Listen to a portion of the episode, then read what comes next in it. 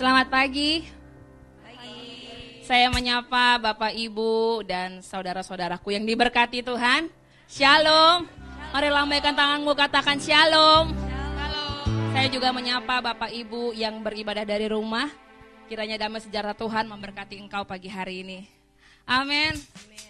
Saya mau memulai ibadah kita dengan sebuah perkataan berkat. Dengan iman saya berkata, diberkatilah engkau oleh Allah yang menjadikan langit dan bumi. Amin. Oke. Sebentar saya undang Bapak Ibu untuk bangkit berdiri. Ada sebuah contoh respon yang akan saya berikan saat saya berkata, diberkatilah engkau oleh Tuhan yang menjadikan langit dan bumi. Mari angkat tanganmu dan katakan, diberkatilah saya, diberkatilah saya. Wow, mantap nih ya. Baru mulai ibadah udah mulai diberkati Tuhan. Siap saudara? Saya mau berkata dengan iman, diberkatilah engkau oleh Bapa yang menjadikan langit dan bumi. Diberkatilah saya, Diberkatilah engkau oleh Tuhan yang menjadikan langit dan bumi. Diberkatilah saya, diberkatilah saya. Haleluya. Berikan tepuk tangan bagi nama Tuhan. Ada sebuah firman dalam Mazmur 115 yang berkata, Diberkatilah engkau oleh Tuhan yang menjadikan langit dan bumi. Bukan orang mati yang memuji Tuhan, tapi kitalah yang memuji Tuhan. Tuhan berkata, surga itu punyanya Tuhan. Tapi dia memberikan bumi kepada kita umatnya. Dan Tuhan berkata dan mengingatkan kita, pujilah Tuhan setiap waktu. Pujilah Tuhan selama-lamanya. Saya mau ingatkan kita semua, apa pun keadaan hidupmu hari ini. Entah engkau sedang berkelimpahan, jangan lupakan kebaikan Tuhan dan pujilah dia. Saat hari-hari ini engkau sedang berjuang, Ingatlah Tuhan menopang dan menolong engkau. Dan pujilah dia Tuhan Allahmu. Entah engkau sakit, entah engkau sehat sempurna. Ingatlah Tuhan dalam setiap lakumu. Dan pujilah dia Tuhan kita. Haleluya. Haleluya. Bapak Ibu boleh kembali duduk. Mari bersama-sama kita buka hati kita kepada Tuhan. Kita mau bersyukur karena hidup kita ada sampai hari ini karena anugerah dan kebaikan Tuhan. Kita mau beribadah dengan sungguh-sungguh. Ketika engkau bernyanyi, bernyanyilah untuk Tuhan. Ketika engkau menyembah, lakukanlah yang terbaik buat Tuhan. Dan percayalah, Yesus Allah kita hadir di tengah-tengah kita. Kami percaya Tuhan, saat kami menyembah memujimu, hadir disenangkan di tengah-tengah kami. Kami gak punya agenda yang lain selain menyenangkan hatimu Tuhan. Hari sabat kami, kami beri bagi engkau. Kami berkata, teduhlah hatiku, teduhlah pikiranku. Pujilah Tuhan Allahmu dengan segenap hatimu, dengan segenap pikiran dan akal budimu.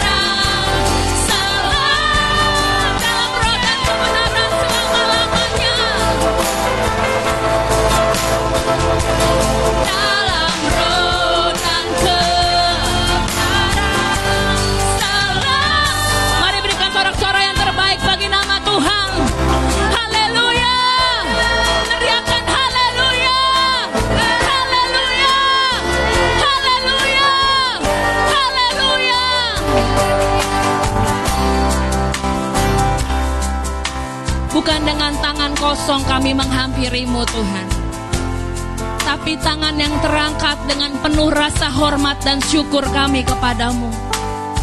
Bukan dengan bibir yang berdolah dali kami datang kepada engkau. Tapi dengan perkataan kami yang menyembah dan kagum akan kebaikanmu.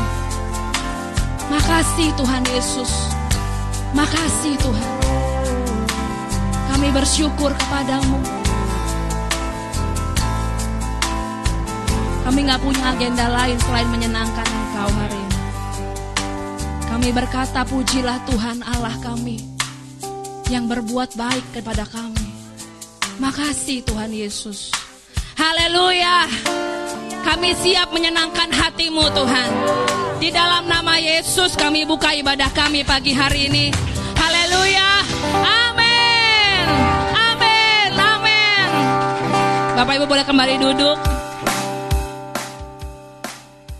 Haleluya. Sebab dia ajaib dan besar. Allah kita perkasa. Amin. Saya mau lihat dong lambaian tangan orang-orang yang siap menyenangkan hati Tuhan. Wow. Haleluya. Besarlah Tuhan dan layak dipuji. Terpujilah namanya. Sebab dia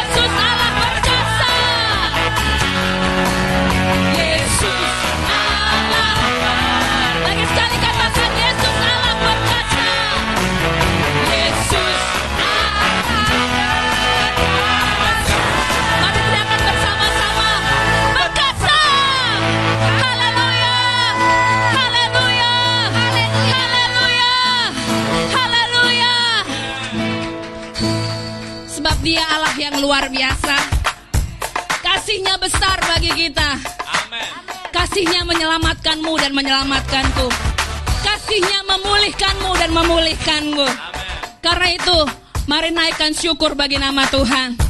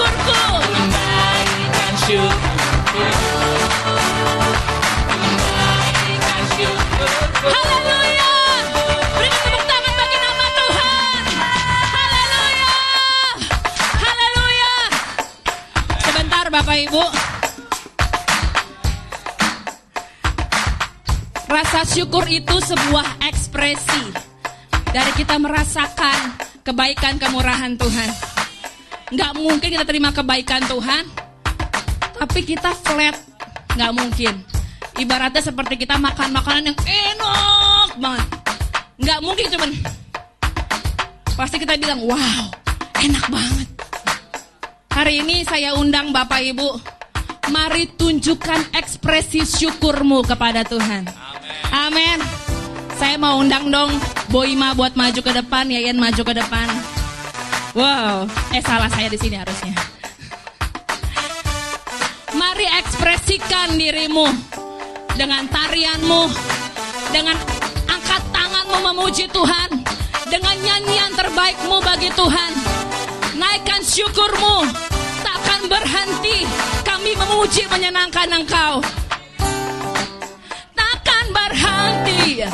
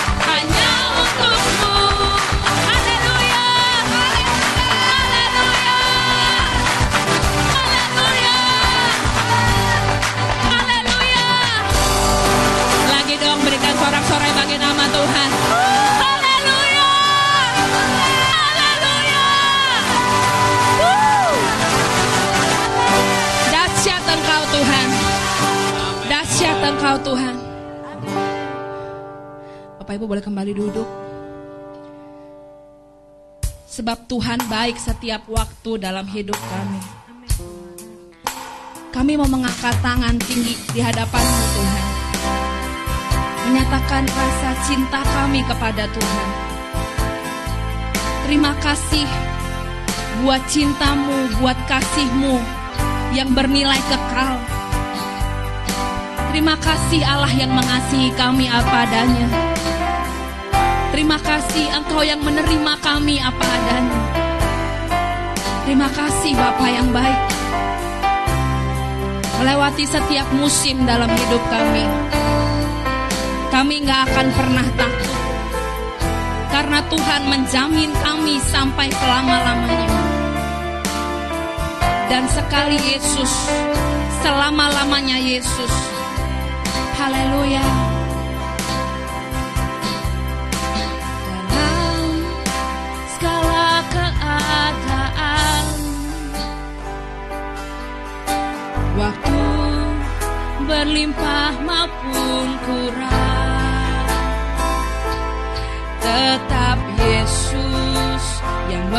pesona hatiku. Dia beri damai dan kesempatan baru. Di setiap musim kehidupan Waktu ku kuat maupun lemah.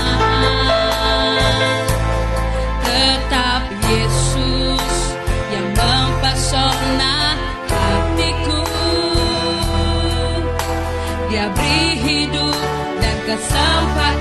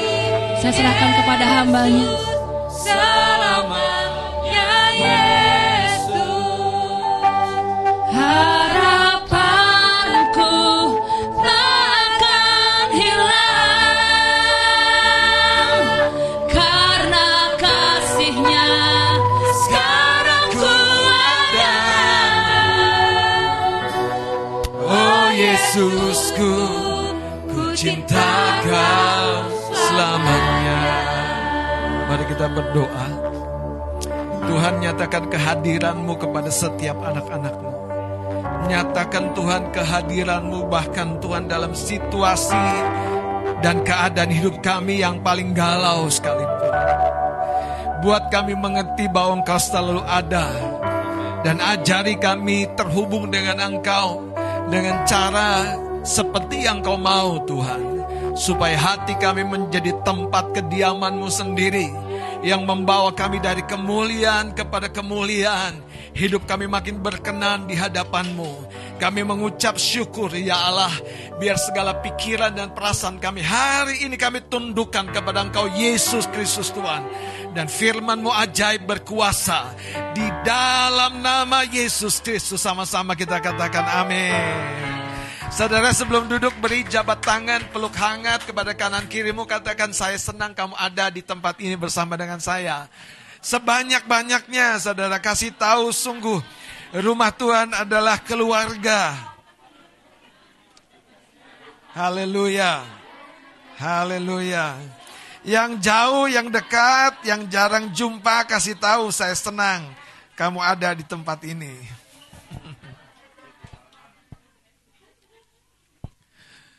Puji Tuhan. Mari kita akan buka dari kejadian pasal 13.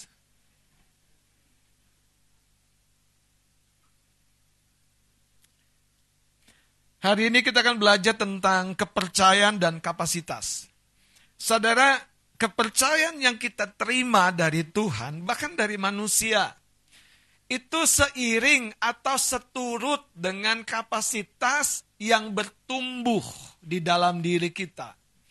Sayangnya banyak orang mereka ingin dipercaya lebih tapi tidak belajar menumbuh kembangkan kapasitas hidup mereka. Sekali lagi, banyak orang ingin dipercaya banyak, ingin dipercaya lebih, tapi fokus mereka salah. Fokus mereka hanya sebatas hal-hal yang kelihatan. Nah, yang tidak kelihatan itu di dalam diri kita, saudara. Kesanggupan dan kemampuan mengelola diri kita, perasaan kita, ekspresi kita, justru itu yang sering kali kita abaikan. Kita berpikir kapasitas sebatas pekerjaan, tidak, saudara. Yusuf kenapa dipercaya begitu besar, begitu tinggi? Karena ternyata dia mampu mengelola rasa kecewa, rasa tertolak yang tumbuh ketika dia dijual oleh keluarganya. Tapi bukan hanya itu, dia mampu mengelola rasa sendiri ketika dia dijebloskan di sumur, dijual kepada suku bangsa asing, dilemparkan jauh dari keluarganya. Sambil tahu saudara, orang seperti apa Yusuf? Orang yang terlatih pada kesusahan yang paling sendiri, paling mengerikan ketika dia tidak dianggap hidup lagi oleh papanya sendiri. Tapi kita tahu betapa besarnya kepercayaan yang Tuhan berikan kepada seorang muda yang terpisah dari keluarganya, dari suku bangsanya, yang tidak sempat mengenyam kenyamanan. Tapi kita tahu Yusuf mengeluarkan buah-buah yang berdampak kepada kita sampai kepada hari ini. Siapa Yusuf? Orang yang rumah tangganya tidak goyah, saudara. Siapa Yusuf yang dalam kemudahannya menjadi seorang pemimpin besar di Mesir pada waktu itu. Siapa Yusuf yang teruji karakternya ketika dipercayakan kekuasaan, materi, uang. Siapa Yusuf? Yusuf seorang yang mengelola otoritas kewibawaannya, kelonggaran-kelonggarannya. Banyak orang kalau dalam penderitaan, dalam kesesakan, dia tekun cari Tuhan. Dia tekun berdoa, dia tekun berharap, dia tekun baca Alkitab. Tapi pertanyaannya, ketika Anda naik di satu tempat yang nyaman, kadang-kadang kita mulai merendahkan standar hidup kita.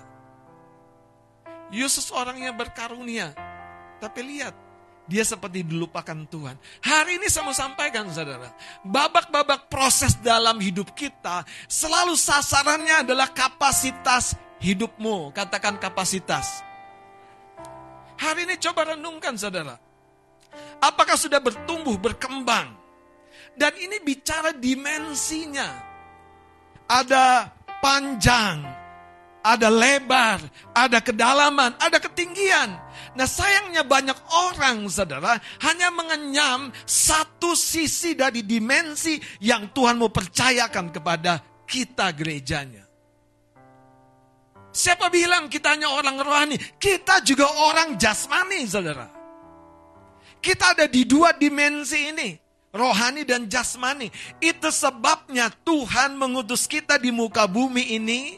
Bukan supaya kita gagal, supaya kita miskin, supaya kita tertolong. Sebaliknya supaya kita seperti pelita yang dinyalakan dan kemudian menerangi sekitar tempat pelita itu ada. Dan itu dimulai ketika saudara kita tahu bahwa setiap proses dalam hidup kita yang pertama selalu untuk memperkokoh, kemudian mengembangkan kapasitas kita. Kemudian apa? Tidak berhenti. Setelah berkembang kokoh, ada kepercayaan-kepercayaan besar yang diberikan kepada kita. Kalau Anda mau jutawan, Anda harus belajar menghitung ratus juta Ada amin Mas Adit? Ada amin Bapak-Bapak? Harus belajar dengan cepat mengelola dan membayangkan ini ke sini, ini ke sini, ini begini, ini begini. Sehingga kita tuh tidak seperti orang yang galau terima berkat saudara. Dan dengan cara itu Rasul Paulus berkata begini, aku tahu apa itu kekurangan. Aku tahu apa itu kelimpahan. Suatu ketika Pak Petrus Agung didatangi oleh seorang yang kita tahu namanya Pak Yusak Cipto. Pak Yusak Cipto berangkat ke Semarang dari Bandung. Pak Yusak ini bapak rohaninya Pak Petrus Agung. Hanya menyampaikan satu pesan khusus. Pak Yusak bilang gini kepada Pak Petrus Agung. Petrus, ini pesan Tuhan. Ini Nabi Tuhan yang sudah sepuh ini bilang begini kamu harus belajar setiap kali kamu terima blessing, berkat keuangan, kamu jangan tergopoh-gopoh, mau pakai ini, mau pakai itu. Kamu harus belajar nanya sama Tuhan. Ini buat aku Tuhan, atau buat aku distribusi lagi. Dan pesan itu saudara membuat yang menarik. Pak Petrus Agung semakin diberkati. Tuhan tidak pernah salah, saudara. Setiap orang yang dipercaya sebagai pengelola, kalau kita baca nanti dalam Matius 25, yang terima satu, dua, dan lima talenta. Yang lima beroleh laba lima talenta, Tuhan bilang begini, masuk, turutlah dalam kebahagiaan Tuhanmu. Yang lima dipercaya, dapat laba lima talenta, dapat kebahagiaan, dapat bonus dari orang yang males itu. Yang satu ambil, ambil. Jangan biarkan yang aku kasih itu jadi sia-sia. Kasih sama yang mengelola lima dan berlaba lima. Saudara, itu sebabnya jadilah seorang yang bertumbuh dalam kapasitasmu. Maka engkau akan melihat kepercayaan-kepercayaan yang datang dari Tuhan pada waktu yang sangat tepat. Katakan kepercayaan dan kapasitas. Mari lihat kejadian 13. Ayat yang ke-14 sampai ayat yang ke-18. Mari kita bangkit berdiri, kita akan baca bergantian. Pria ayat 14, wanita ayat 15 bergantian sama-sama di ayat 18. Pria ayat 14 dari kejadian 13, 23. Setelah Lot berpisah daripada Abram, berfirmanlah Tuhan kepada Abram, Pandanglah sekelilingmu dan lihatlah dari tempat engkau berdiri itu ke timur dan ke barat, ke utara dan selatan. Lanjut.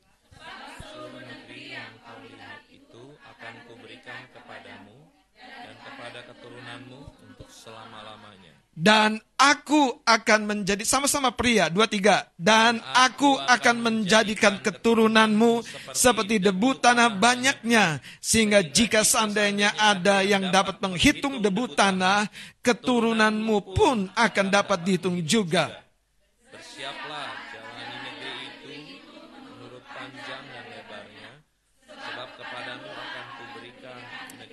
Sama-sama 18. Sesudah itu, Abraham memindahkan kemahnya dan menetap di dekat pohon-pohon tarbantin di Mamre dekat Hebron. Lalu didirikannya lah mesbah di situ bagi Tuhan. Silakan duduk Bapak Saudara. Nangkap sesuatu ketika kita membaca, Tuhan berkata gini, coba lihat saudara, saya mau lompat supaya kita nangkap gambar besar yang saya coba sampaikan saudara ayat 17 dulu. Alkitab berkata begini, bersiaplah. Kemudian apa? Ayat 17.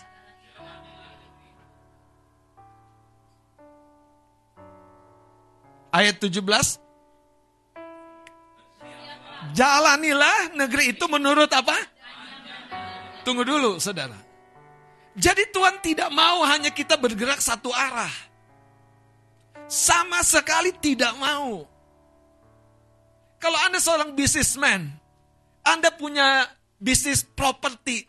Oh, saudara, itu Anda sudah expert, Anda sudah jago, Anda sudah berbuat lebat. Tunggu dulu. Tuhan belum selesai. Tuhan mau mengembangkan Anda di sisi yang lain. Makanya dia dibilang menurut panjang dan lebarnya. Sebab, baca sama-sama. Kepadamulah akan Cuman masalahnya adalah banyak orang terlalu malas atau terlalu lelah. Sehingga ketika Tuhan berkata siap dan berjalan, wow. Gak bisa Tuhan, aku udah di sini. Selama-lamanya di sini. Sampai engkau datang Tuhan, aku di sini. Pekerjaanku ya begini Tuhan. Ya hidupku begini. Saudara sama kasih tahu, Tuhan tidak pernah akan merubah Anda semakin turun. Tuhan sedang dan terus mengubah Anda semakin mulia, semakin cemerlang. Semakin tajam. Makanya Daniel tidak semakin lemah di tengah-tengah orang pada suku bangsa yang lain yang mas, makin hedon, makin tenggelam dalam, dalam kehidupan duniawi. Tapi Daniel, Sadrak, Mesak, dan Abednego makin bugar, makin tajam karunianya, makin cemerlang. Orang cari hikmat bukan kepada orang-orang pintar selain Daniel, Sadrak, Mesak, dan Abednego. Kenapa? Karena sepuluh kali lebih cerdas Kalau Anda sudah dicari orang seperti itu, saudara berkat Anda tuh nggak terukur, bukan gaji lagi sifatnya. Tetapi berapa banyak orang mau siap dan berjalan. Kalau orang siap dan berjalan, itu jenis orang yang peka dengan komando. Banyak orang Kristen, aku mau siap, aku mau jalan. Tapi jalannya itu saudara, dengan niat dan pikiran-pikiran dan rencananya sendiri. Satu kali Yesus berjumpa dengan seorang perwira. Memohon supaya dia datang ke rumahnya menyembuhkan anak yang sakit, hamba yang sakit. Yesus mau pergi. Tapi sang perwira ini mengutus sahabat untuk berkata, Guru nggak usah datang. Karena aku sebetulnya bukan orang Yahudi, nggak layak terima kamu. Rabi, tokoh masyarakat, orang Yahudi Aku nggak layak. Katakan sepatah kata saja. Sebagaimana aku di bawah otoritas, aku juga berotoritas. Kalau aku bilang sama ajudanku anak buahku pergi, mereka akan pergi. Kalau aku bilang datang, mereka akan datang. Katakan sepatah kata saja. Saudara ternyata orang-orang yang di bawah otoritas itu ada frekuensi yang sama. Ada frekuensi yang membuat mereka, saudara, tidak akan berhenti karena sudah mandak tidak akan terhenti karena mereka tidak melihat jalan. Kalau orang-orang yang di bawah otoritas, dengerin saya saudara. Mereka lihat tidak jalan. Mereka lihat ada tembok. Tapi komandannya berkata maju terus. Tidak akan berhenti saudara. Berapa banyak kekristenan kita, saudara, hanya memimpikan satu kehidupan yang lebih baik, lebih layak, tapi mereka nggak mau mempersiapkan diri. Nah ini bicara kapasitas, saudara. Kemudian berjalan, saudara. Haleluya. Coba salami kanan kirimu, katakan, sudahkah kau mempersiapkan kapasitasmu?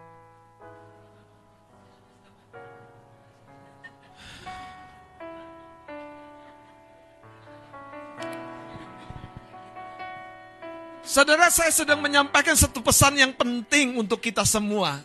Gereja kita tidak akan terus di ruangan ini dan di tempat ini. Anda percaya atau tidak, lebih baik percaya. Supaya Anda jangan kecewa ketika kita sudah tidak di sini lagi. Ini bukan perkataan saya berdasarkan emosi dan keinginan manusiawi. Keinginan Tuhan, jalani panjang dan lebarnya. Makanya kalau Anda punya bisnis, Jangan tenggelam, terkungkung, terikat, dan terbelenggu dengan satu jenis bisnis saja. Sementara Anda sudah berpuluh-puluh tahun di tempat itu.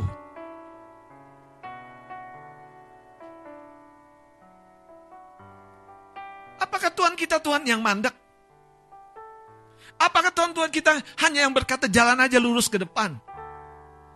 Apakah Tuhan kita hanya berkata, nak, kalaulah saja Masalah-masalah yang terkait dengan ya jualan barang.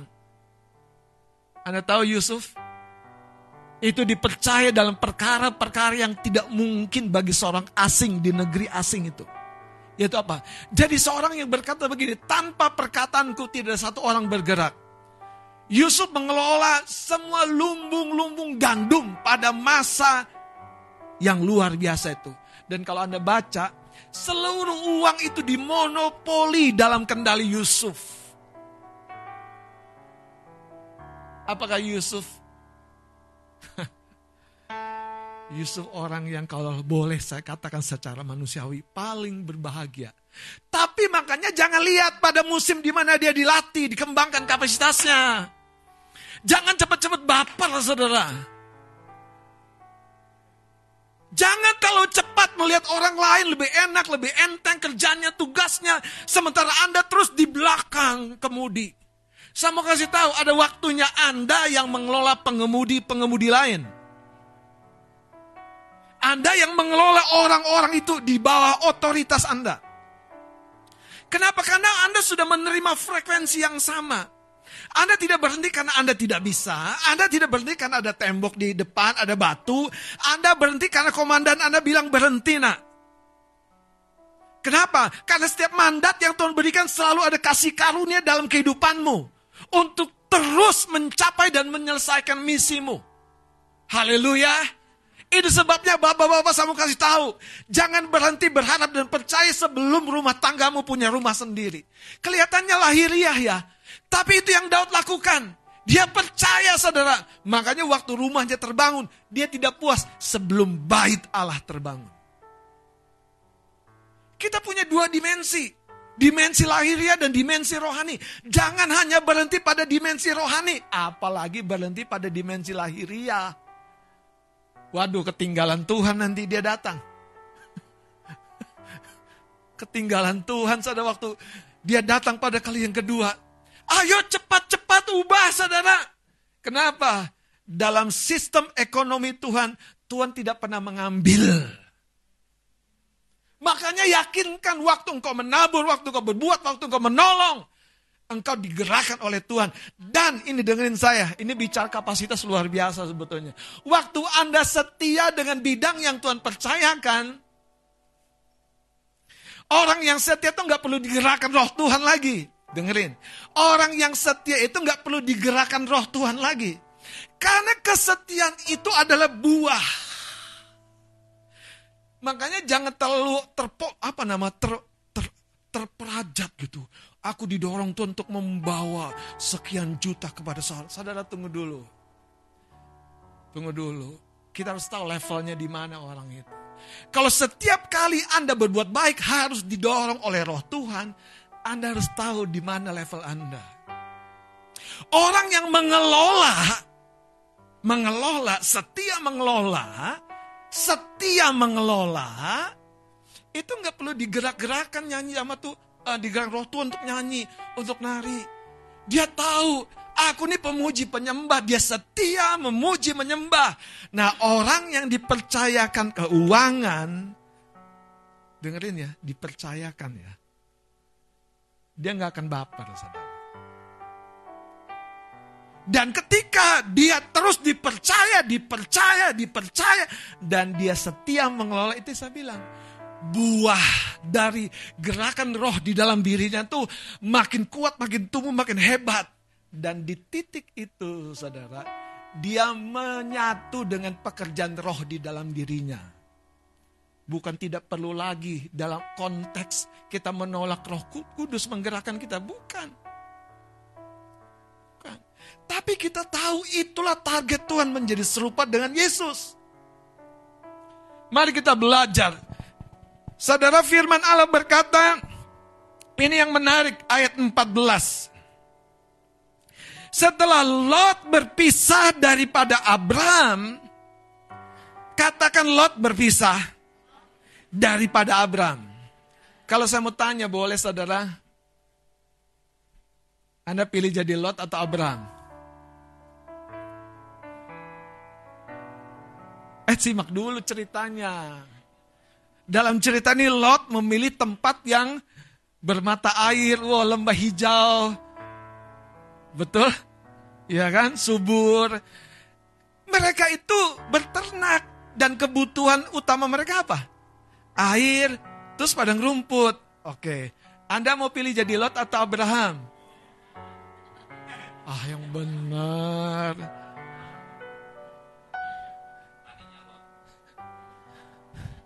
Lot melihat lembah dekat Sodom itu hijau, airnya limpah, dan dia punya ternak.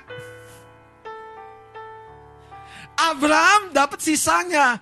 Lot, kamu ke sana, wah yang terbaik semuanya yang terbaik. Dan Abraham melihat ke sana. Sorry, Dit. oh, Billy. Dan lihat ke sana, ya Tuhan, inikah bagianku? Tapi itu yang saya mau kasih tahu, saudara Tuhan belum berhenti. Katakan dimensi. Kalau dengar dimensi apa? Tinggi, panjang lebar dalam. Anda tahu kasih Kristus itu jangan diukur hanya sebatas materi dan gaji, saudara. Anda ketinggalan banget kekristenanmu, childish banget, saudara. Tuhan memberkati engkau bisa dari kanan kiri utara selatan dari timur barat. Gaji itu baru sebagian yang pegawai katakan amin. Yang pengusaha apalagi katakan amin.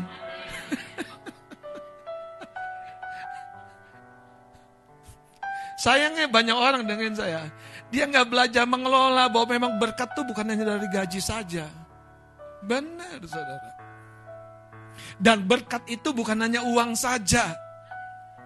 Berkat itu saudara waktu Anda turun mau parkiran eh ah, ya kan ada.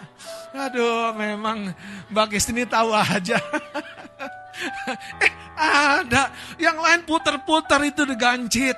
Eh kita masuk ada. Ah, memang kamu ini Abraham benar benih Abraham ini membuat yang tidak ada jadi ada.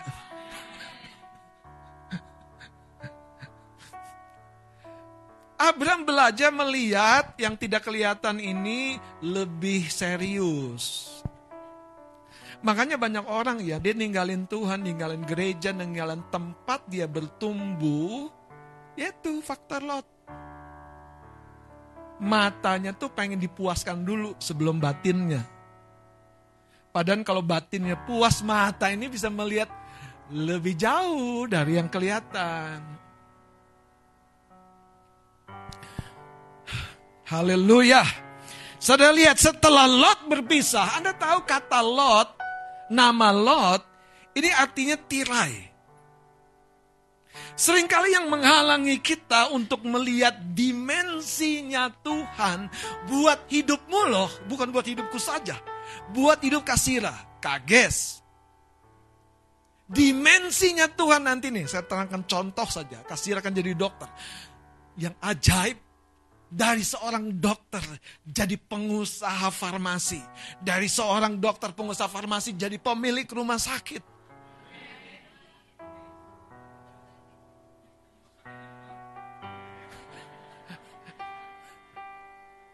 Itu namanya dimensi. Namanya kita berjalan ke depan tapi makin meluas. Sementara ke depan dan makin luas makin mendalam. Anda di Indonesia, tapi usaha Anda, berkat Anda, kang tahu Anda datang dari luar negeri, Pak. Ya kenapa? Betul nggak sih? Betul nggak? Masalahnya kita hidup dalam polanya Tuhan tidak. Kalau kita hidup tidak dalam polanya Tuhan, itu yang terjadi. Kita hanya concern, hanya yang kelihatan kita hidup dengan jenis Lot yang ujungnya akan membawa kehancuran, kehancuran, kehancuran. Tapi Abraham sebaliknya, Abraham makin bertambah-tambah limpah blessing yang dari Tuhan. Ayat 14 lagi lihat dikatakan, setelah Lot berpisah daripada Abraham, setelah Lot berpisah daripada Abraham, berapa hari yang lalu saudara, saya mimpi telinga saya ini budek sebelah. Itu ngeri saudara, ngeri. Di dalam mimpi itu Tuhan, aduh saya bergumul. Tapi di mimpi itu juga saya tahu ini sebuah pesan yang serius. Anda tahu nggak kalau telinga budek sebelah, kita tuh dengarnya nggak stereo. kayaknya tuh suara tuh cuman dari situ aja. Pada suara tuh mengelilingi hidup kita. Makanya Daud berkata, blessing Tuhan tuh surround me.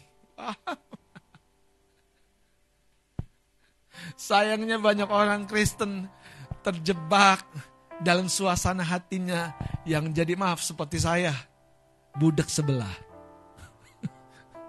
Untung saya yang dikasih mimpi loh. Anda paham nggak maksud saya?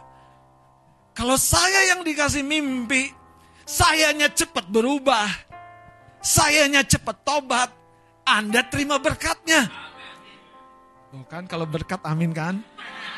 Emang ketahuan banget jenisnya. Haleluya. Yang proses pokoknya Pak Pendeta saja. Kalau proses dibanting kanan kiri, pokoknya Pak Gembala saja. Haleluya. Gimana Pak Mawel aman di situ? Kalau proses pokoknya Pak Gembala saja. Kalau berkat ya Kak Vera ya. Ya dong Om. Om kan kasihan sama saya kan. Saudara Abraham pun tidak receh prosesnya. Katakan tidak receh prosesnya. Hei, Baru proses receh udah mewek tujuh hari tujuh malam. Kasihan sekali. Cuma masalah cinta. Haleluya. Kirain cinta apa lagi? Cinta bertepuk sebelah mata. Eh, berkedip sebelah mata. Aduh. Langsung saudara. Makanya saya mau kasih tahu proses Anda receh atau apa?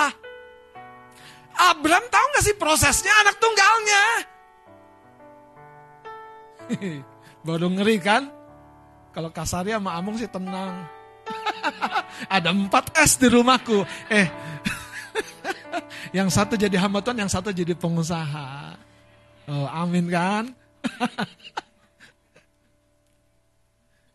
Kalau kami mau nggak mau, harus jadi pengusaha, jadi pendeta juga.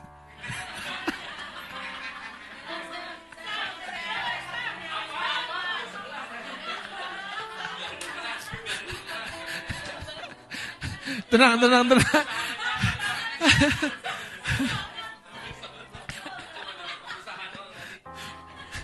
kan nanti udah cedikan yang proses papa aja. Yang aku terima kemurahan Tuhan. Aku terima blessing Tuhan. Aku prosesnya recehan aja. Eh nggak bisa.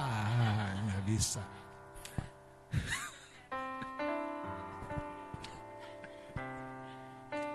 Anda paham gak sih proses Anda di level mana? Itu yang membuat kapasitas Anda tidak pernah tumbuh. Hei,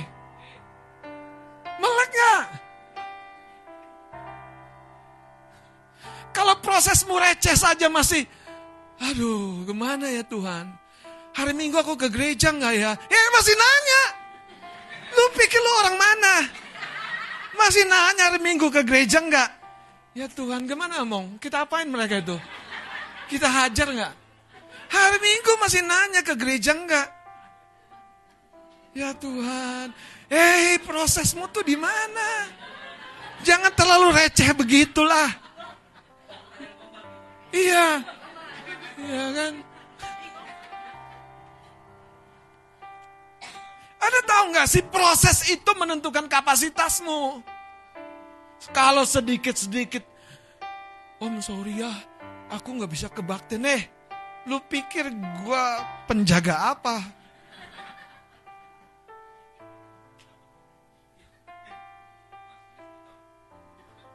Udah gitu pamitnya sengaja menjelang jam kebaktian.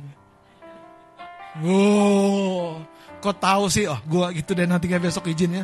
Eh, kuat. Udah menjelang setengah sepuluh baru WA. Bang izinnya aku gak kebaktian. Eh. Receh sekali. Kasih tahu jangan recehan. Beneran kasih tahu Kak Ani kasih tahu jangan recehan. Eh, Mbak Yuyung kasih tahu jangan recehan.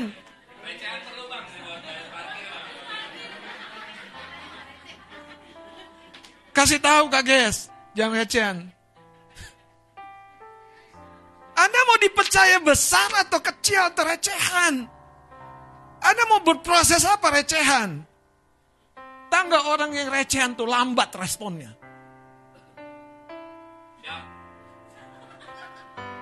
Beneran saudara, beneran. Memang Abraham menunda membawa anaknya itu.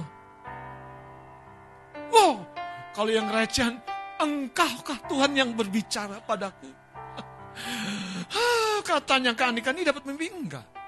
Tanya Ibu Gemal dapat mimpi enggak? Enggak.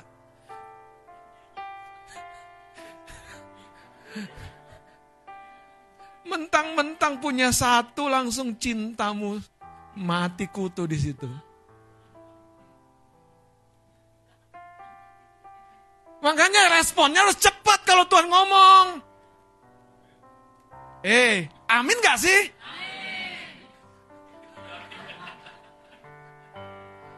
Karena banyak orang Kristen tuh responnya lambat sekali, saudara. Pada Tuhan ngomong, bersiaplah, jalanilah. Dan bukan hanya panjangnya, tapi lebarnya. Hei, kita nih generasi yang harusnya justru tahu bahwa dimensi itu bukan hanya bicara panjang ke depan, tapi ke kanan lebar, juga ke dalam. Kekayaan hikmat Tuhan tuh mau dilimpahkan kepada kita. Tapi tergantung saudara proses kapasitas kita.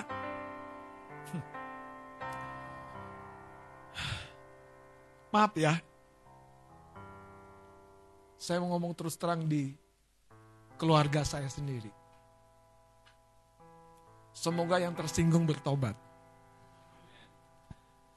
Anda contreng di amplop tuh perpuluhan tapi nominalnya bukan sepersepuluh. Eh lu, Lu ngomong sama siapa? Sama Tuhan sama pendeta. Tobat, kelamaan. Lu contreng di amplop tuh perpuluhan. Tapi setorannya flat tiap bulan. Emang gak ada apa perubahan, penambahan, pengurangan? Emang beneran sih? Udah kelamaan. Harus digesek dikit. Tobat dong. Responnya tuh cepat. Saya sendiri waktu lihat, ya Tuhan, jangan aku sampai mengulangi jam maleaki. Jemaat umat Tuhan bawa domba cacat. Ingat kan khotbah Pak Sutri? Among, Inong. Imam itu mengizinkan umat membawa domba cacat. Jadi sembahan korban. Dan Tuhan marah bukan hanya kepada umat, tapi kepada para imam yang membuka pintu. Anda mau mau berkat seperti apa? Anda mau berkat seperti apa? Anda mau berkat apa? Tipu-tipu. Anda mau berkat seperti apa? Contreng. Saya bukan mengintimidasi, tapi saya sedang mengajari firman. Menurut dasar yang paling hakiki. Menurut saya, anda belum siap mengembalikan perpuluhan ke Tuhan, nggak apa-apa. Itu poinnya. Tapi jangan dicontreng supaya kelihatan aku membawa korban atau aku mengembalikan kepada Tuhan. Maaf ya, contrengnya udah spesifik lagi. Persepuluhan. Lebih baik apa kayak persembahan? Hatimu tuh di sini nih. Nih, makanya kalau Anda nggak gitu, nggak heran. Anda nggak memahami dimensinya Tuhan nggak memahami. Anak cuma pikirannya maaf ya, kedagingan. Nggak cukup ongkos, nggak cukup makan, nggak cukup, nggak cukup. Siapa bilang nggak cukup? Biayamu kadang-kadang tuh terlalu besar. Iya, uang Tuhan berkat ini 50 juta. Amin bang. Kok sedikit banget sih? Amin dong, amin, amin. amin.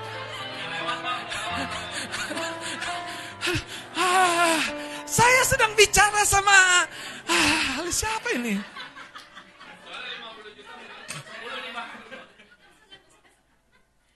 Mana Pak? Langsung selesai kan Pak? Iya kan? Langsung siapkan bulan April Pak? Ah. Oh Billy, tenang. Anda ngerti nggak sih saudara? Dengerin saya, dengerin saya. Anda terima nih berkat nih. 50 JT. Di sini Anda tuh harus ngerti. Bagianku 90 persennya. Tek, udah selesai. Banyak kita ngurus yang 10 persen aja nggak sanggup.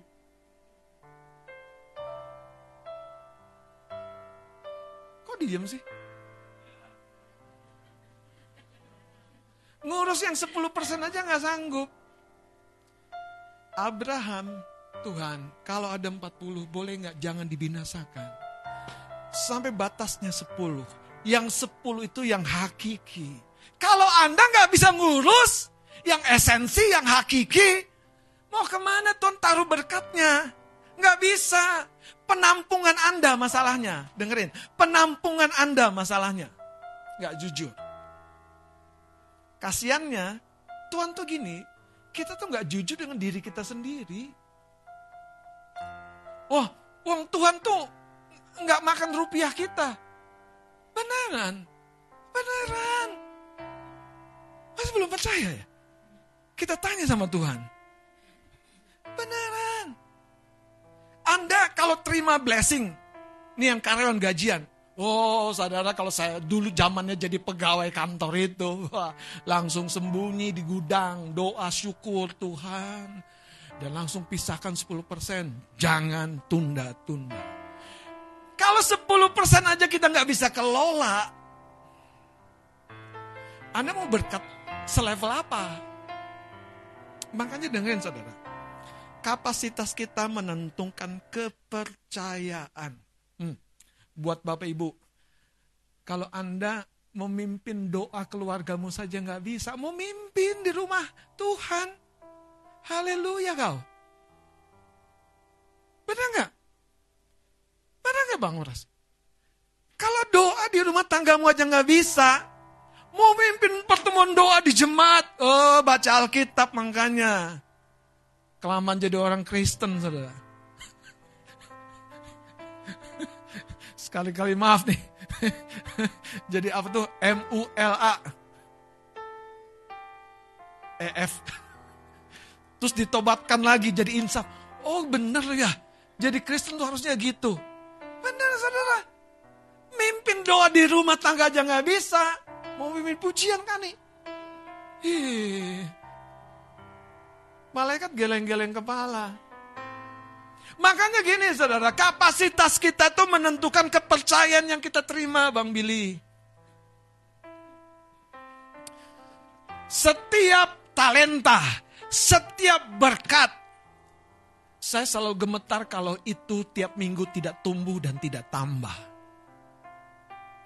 Dulu saya suka mengeluh, Tuhan kenapa aku jadi gembala harus ngelatih aser, harus ngelatih tim musik. Oh no no no no no, aku tahu aku coach. Aku nggak ngeluh lagi sekarang. Aku tahu ada upahnya masing-masing. Hari ini saudara lihat, kita harus betul-betul selektif pilih yang Tuhan tunjukkan kepada kita. Supaya kita mulai menjalani panjang dan lebarnya. Saya baca lagi dengan cepat dikatakan begini saudara. Kalau Anda mau lebih terang lagi bukan hanya panjang dan lebar. Tapi lihat Tuhan ngomong arah mata angin. Ayat 14. Pandanglah apa? Pandanglah apa?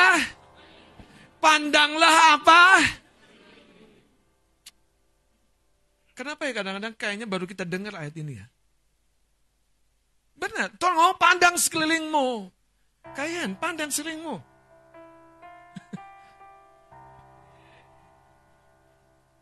Dari peninggalan, lebih luas lagi nanti. Karena dikatakan nih, pandanglah sekelilingmu dan lihatlah dari tempat. Dari tempat, engkau berdiri. Ke mana? Ke timur, ke barat, utara, dan selatan. Ayat 15 kita baca sama-sama 23. Sebab seluruh negeri yang kau lihat itu akan kuberikan kepadamu dan kepada keturunanmu untuk selama-lamanya beri tepuk tangan bagi Tuhan Yesus. Saudara, dengerin saya. Apakah kita masih di level recehan? Proses kita masih up down, up down, up down. Apakah kita merindukan blessing yang besar yang memang Tuhan janjikan seluruh negeri ini? Kalau 10% saja kita tidak bisa kelola, menurut saya kita harus masuk dalam training lagi. Ya, jadilah orang yang bersegera. Abraham menebus Lot dari tawanan, tawanan musuh. Raja Sodom Anda baca ya, itu menawarkan berkat. Tapi Abraham komit. Dari engkau, khusus dari engkau. Aku nggak akan ambil. Supaya jangan bilang, aku memperkaya Abraham. Abraham tuh yakin sekali dengan perjanjian berkat yang dia terima personal dari Tuhannya. Itu yang membedakan Abraham dengan Lot. Hari ini saudara, Tuhan sedang ngomong secara pribadi.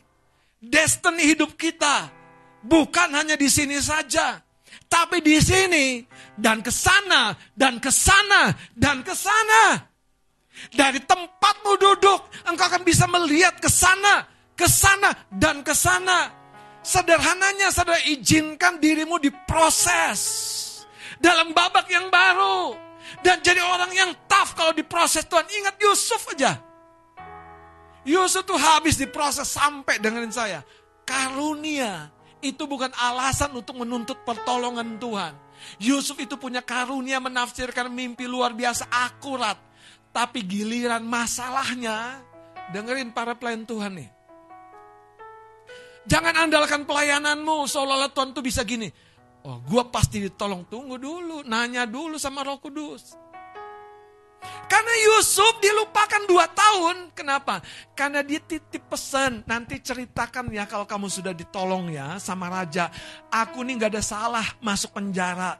Supaya aku dibebaskan. Saudara, sandarkan imanmu kepada sumber.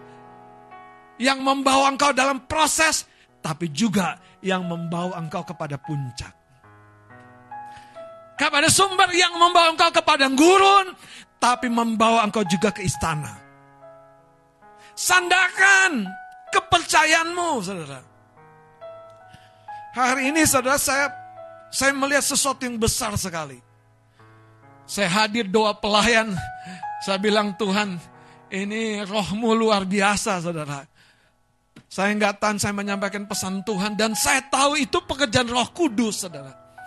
Tapi kita sebagai rumahnya bersiaplah, bersiaplah, bersiaplah. Jadi orang yang responsif saudara dengan pekerjaan Tuhan, maka engkau tahu tanganmu yang lemah akan menjadi mampu. Suaramu yang lemah akan menjadi terdengar. Karena Tuhan tidak pernah meremehkan perabot-perabotnya, alat-alatnya. Saudara saya mau dengan cepat supaya kita bisa lanjutkan minggu depan. Jangan kehilangan poinnya. Dengerin saya saudara. Saya mau tutup dengan poin ini saja. Hidup ini tuh mata rantai. Hidup ini tuh apa namanya? Anak tangga demi anak tangga. Kalau lebih tepat tuh panggung demi panggung. Itu saya mau terjemahkan. Jadi bukan sekedar anak tangga. Anda tuh dibawa Tuhan dari satu panggung kepada panggung yang berikutnya. Dan setiap panggung tuh ada ujiannya, ada tantangannya. Tapi ada rewardnya. Ada blessingnya. Saudara, seorang yang dipercaya lima. Alkitab mencatat segera pergi. Bekerja dengan selama lima. Dan dipuji Tuhan. Seorang dapat dua, segera pergi bekerja dan dipuji tuannya. Tapi sayang yang dapat satu malah sembunyikan. Dia tidak percaya ini kapasitasku. Saya berdoa saudara hari ini kita tangkap sesuatu lebih besar daripada apa yang so, coba saya sampaikan. Kenapa? Karena Tuhan yang sudah merancang dan merangkai bahkan penderitaan dengan kesusahan, tertolak dan diputus cinta, di, di, di, di, di, di, di PHK dan apa tuh menjadi satu perjalanan yang membuat Anda jadi pribadi yang utuh. Utuh, utuh. Dan ketika Anda diangkat naik, Anda tahu siapa yang membuat Anda diangkat naik, yaitu Tuhan. Bukan kepintaranmu, bukan kehebatanmu, bukan koneksimu saya berdoa sadar ibu-ibu rumah tangga mulai menangkap. Kalau aku mulai, anak-anakku akan mengalami. Kepala-kepala rumah tangga akan mulai menangkap hidupku dari tempat aku berdiri. Setialah. Engkau mulai melihat ke depan, ke kanan, ke kiri, ke belakang. Makin mendalam engkau. Dari tempatmu berdiri. Blessing Abraham itu bahkan turun-temurun. Percayakah bahwa engkau adalah benih Abraham? Hmm. Haleluya. Itu yang saya bilang, saudara. Kadang-kadang pertanyaan receh itu harus keluar lagi. Beneran kan? Pada itu pertanyaan receh loh. Harusnya kita yakin sekali. Sangat-sangat yakin kita benih Abraham. Makanya saudara saya mau tutup dengan mata rantai dalam hidup kita itu selalu menghasilkan kemuliaan Tuhan.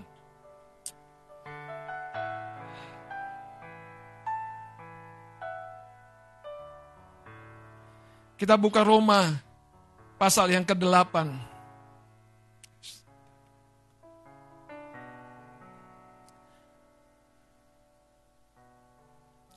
Ayat yang ke-28 kita tahu sekarang bahwa Allah turut bekerja. Allah turut bekerja. Allah turut bekerja sekalipun itu bukan proyek dia yaitu kegagalan, bukan proyek dia. Anda ditipu. Bukan, bukan, bukan, bukan. Anda sakit itu bukan proyekan Tuhan.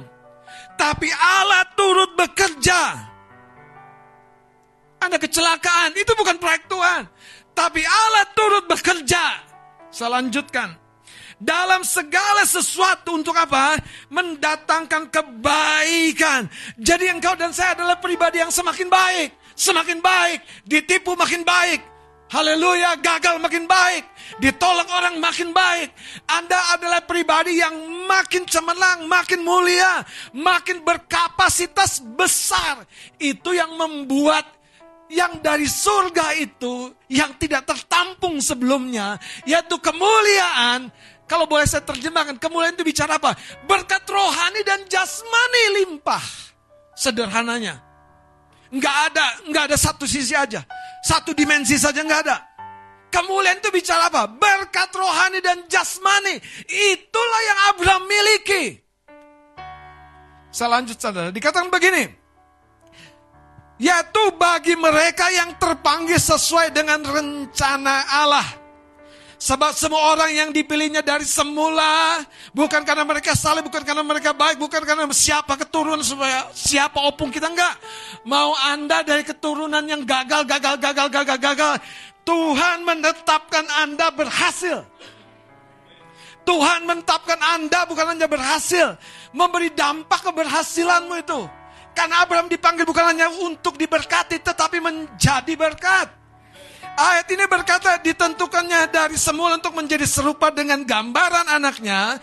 Supaya ia anaknya itu menjadi yang sulung. Anaknya yaitu Yesus Kristus menjadi saudara sulung kita. Saudara, kemuliaan Allah kiranya turun atas kita. Yaitu kepada orang-orang yang bersedia diproses Tuhan. Ayat 30 kita baca sama-sama, dua tiga. Dan mereka yang ditentukannya dari semula, mereka itu juga dipanggilnya. Dan mereka yang dipanggilnya, mereka itu juga dibenarkannya. Dan mereka yang dibenarkannya, mereka itu juga dimuliakannya. Yusuf sekali lagi saudara, dibuang dari keluarganya. Ditinggalkan. Tapi Yusuf menceritakan kemuliaan Tuhan. Yesus sampai kepada perkara-perkara yang indah. Mari kembali kepada kejadian 13, kita akan berdoa. Ayat 17 dan 18, kita akan baca bangkit berdiri. Kejadian 13.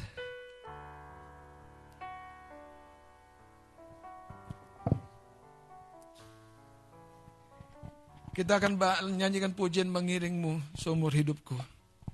Ayat 17 dan 18 kita baca sama-sama 2 3. Bersiaplah. Jalanilah negeri itu menurut panjang dan lebarnya sebab kepadamulah akan kuberikan negeri itu.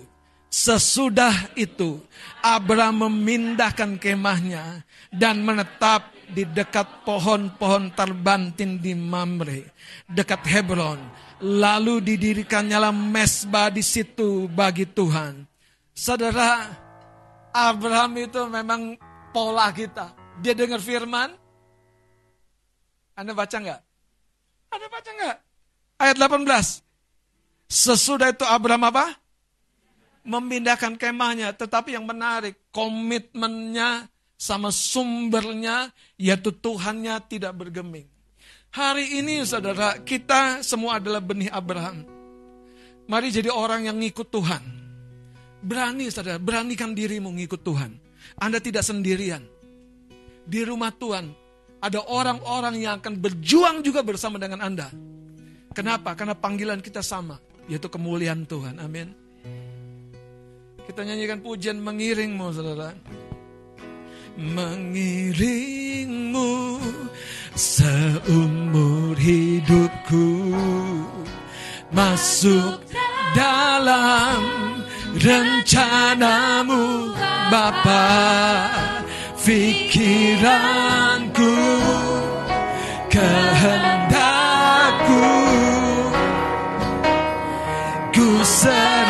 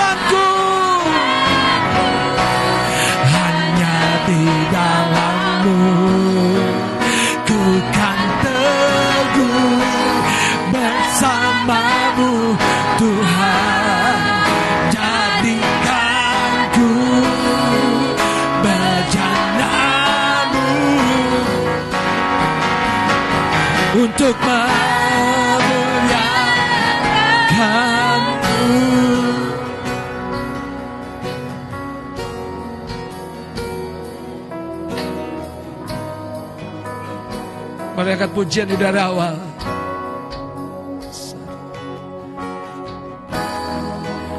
Kekuatan di jiwaku. Ketenangan di batinku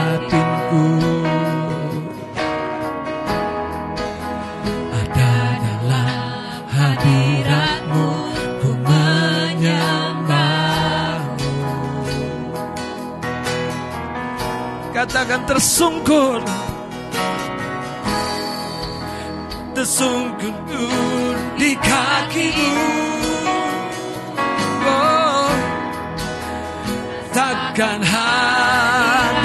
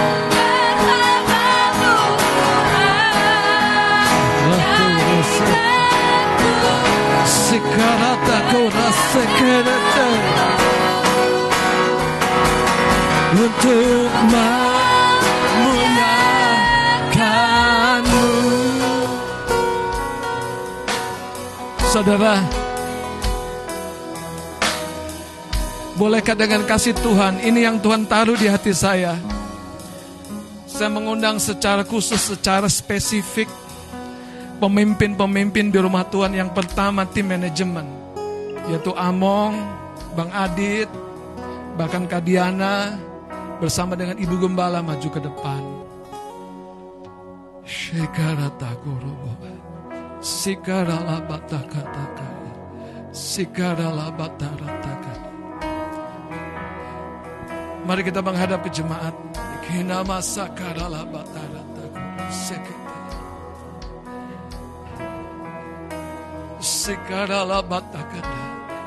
Mau berkata kami bukan orang yang sempurna. Tapi kami orang yang mau diproses Tuhan. Kami mau berkata kami bukan orang yang hebat. Tapi kami mau dilatih Tuhan. Bahkan di titik yang paling sakit. Paling tidak nyaman. Yaitu ego kami. Yaitu pride kami. Kami mau dilatih. Kami mau dibentuk. Saudara, rumah Tuhan selalu mengalir urapan dari kepala turun turun, turun, turun. Saya mau mendoakan tim manajemen secara khusus. Nanti izinkan mereka yang dari Tuhan itu akan mengimpartasi.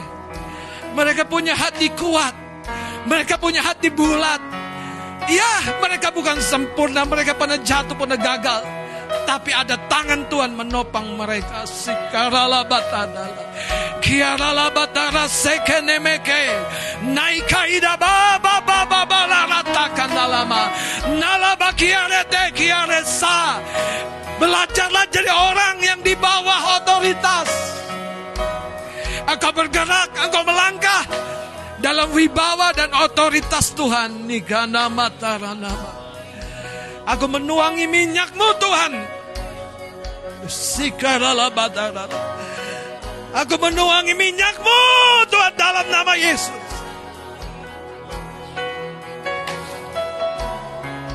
Yang tidak tampak di mata jasmanimu akan kau panggil keluar dan tampil.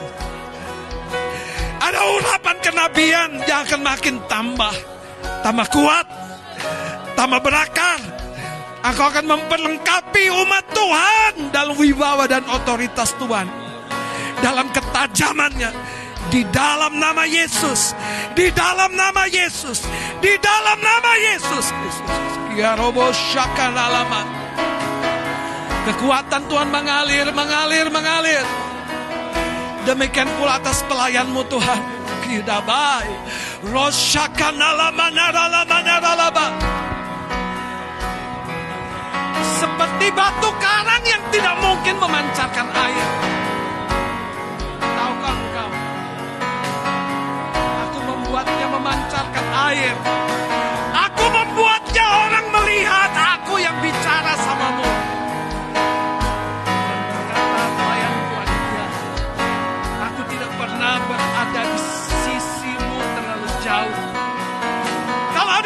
Proses di mana sepertinya terlihat pada jalan-jalan. Aku sedang melatih dan mengujimu. Hari ini jadilah teguh. Bicaralah. Maka kau akan mengalirkan, memancarkan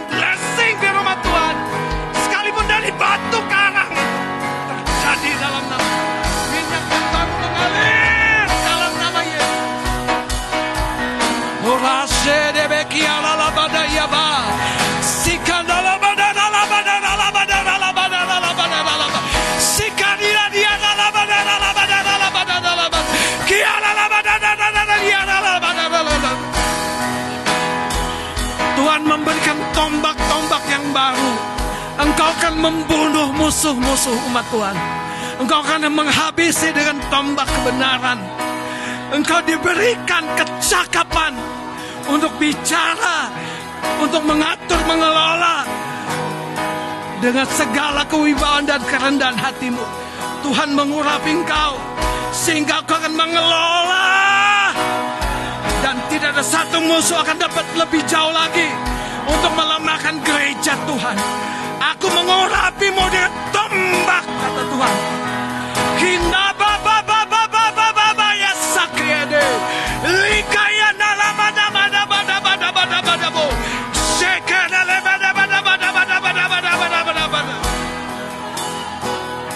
membuka tiap-tiap mata air dari lubuk hatimu. Memancar, mengalir, tertuang kepada jiwa-jiwa dalam nama Yesus. Proses Tuhan terkadang tidak mudah kau mengerti. Namun hari ini Tuhan memberikan mata yang terbuka dalam roh untuk melihat. Dia tetap ada di perjalanan-perjalanan yang bahkan tertutupi seperti di lembah namun aku sedang melatih engkau, aku sedang melatih engkau. Aku sedang memproses engkau sampai engkau tampil mulia dan cemerlang. Aku menuangi engkau dengan minyak yang baru dalam nama Yesus. Dalam nama Yesus. Dalam nama Yesus. Kita rasakan dalam mata kami. Bapak Ibu saudara tempatmu saja Izinkan para hamba Tuhan ini akan tumpang tangan memberkati. Mungkin hanya singkat saja, tidak mengapa. Tapi respon dengan hati yang percaya. Silakan teman-teman doakan nama tanah la matana yara sekete mata la bakaya likaya baba baba baba baba baba likaya la la badara la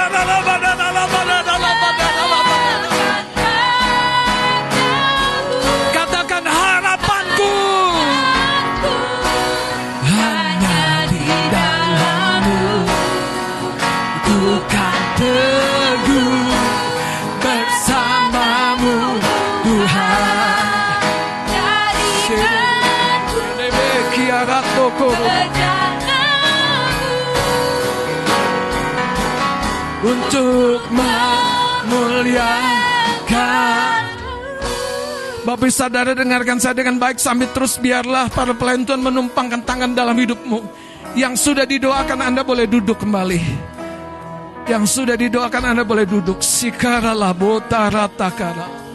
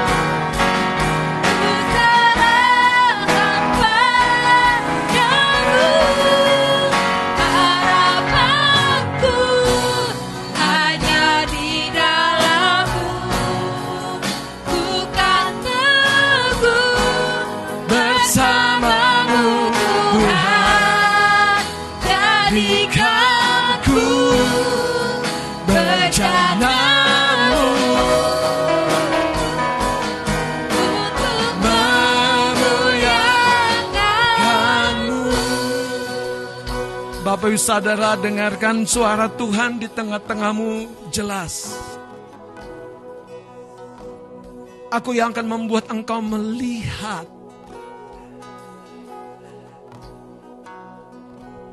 ketika engkau melangkah ke utara, selatan, timur, dan barat. Aku yang akan membuat engkau melihat. Dengarkan perkataan Tuhan. Aku membuat babak-babak yang baru dalam hidupmu dalam cara yang berbeda sekalian umatku. Bahkan dalam cara-cara yang mengejutkan. Namun dengannya aku sedang melatih engkau untuk percaya Aku yang tidak akan membiarkan kau melewati jembatan-jembatan yang rasanya rapuh. Namun supaya engkau belajar bersandar kepada perkataanku. Anak-anakku, umatku. Aku sedang membawa engkau menyeberangi sungai yang deras. Biarkanlah sebagaimana umatku Israel Aku membawanya melintasi sungai Yordan yang tidak terseberangi pada waktu itu. Aku membawa engkau melintasi keadaan-keadaan hidupmu yang rasanya tidak terseberangi.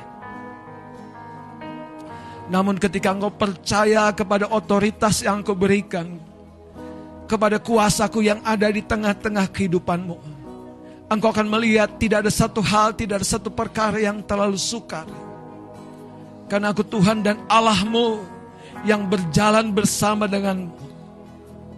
Demikian perkataanku menguatkan engkau sekalian anak-anakku. Sikarala bute mata rasak. Usi berakaya tarahasa. Sina mama mama. Sina mama takaye.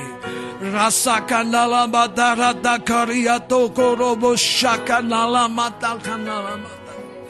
Sikarala diarete kineme kerete kinema karasata. Kiareta kiane masakoro bote menekaya. Rasa kanala bata kanala bata karya. Lo manai kai irako. Bosikare tokumai me. Rasa kate de de kie de bete kie de bete kie te kie te kie te.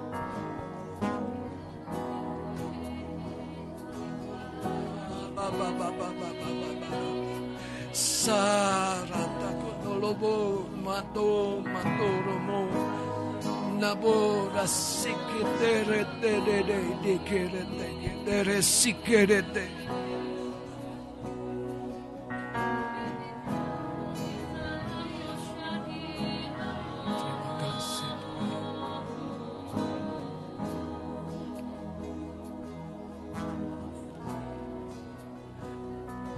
dalam tenang teduh.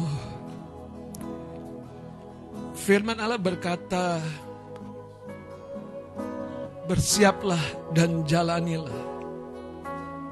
Hari ini, mari kita bertobat dari kenyamanan-kenyamanan kita. Hiduplah untuk tujuan dan rencana Tuhan.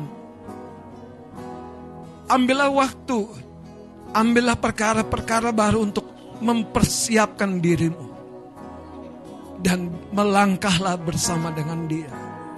Siang hari ini di tempat di mana engkau ada, engkau berdiri entah duduk.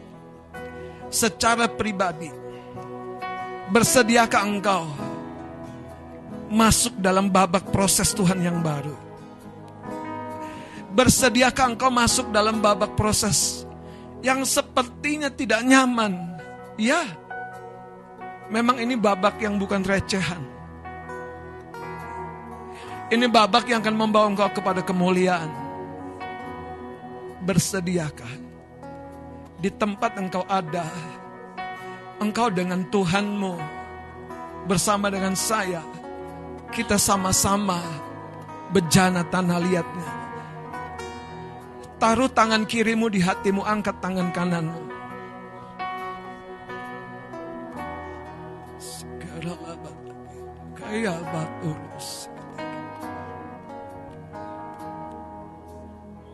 Rase kenali manayama.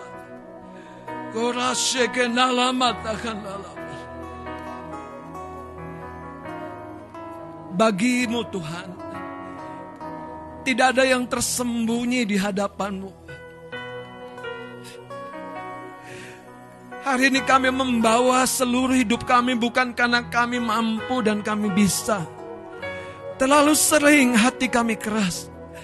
Terlalu sering kami berpikir dengan pikiran-pikiran kami sendiri. Tapi Tuhan, hari ini kami mendengar firman-Mu. Engkau memanggil kami untuk sebuah kapasitas dan kepercayaan yang begitu besar.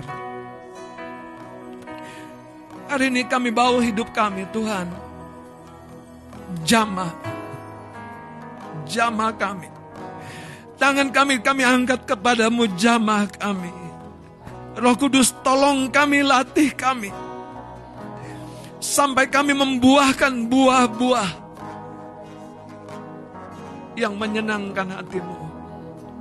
Kami dilatih yang olehnya kami jadi hamba yang baik dan setiawan.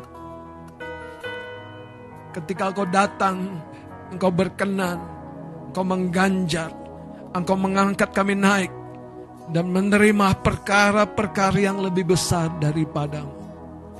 Kami mengangkat tangan juga saat ini untuk setiap umatmu Tuhan. Kami akan memasuki bulan Agustus. Kami akan memasuki bulan di mana gerejamu mencapai angka 26 tahun. Kami akan mempersiapkan sebuah puasa raya. Kami akan merendahkan diri dan mendeklarasikan perkataan firmanmu, firmanmu yang membelah laut itu terbuka bagi jalan umat.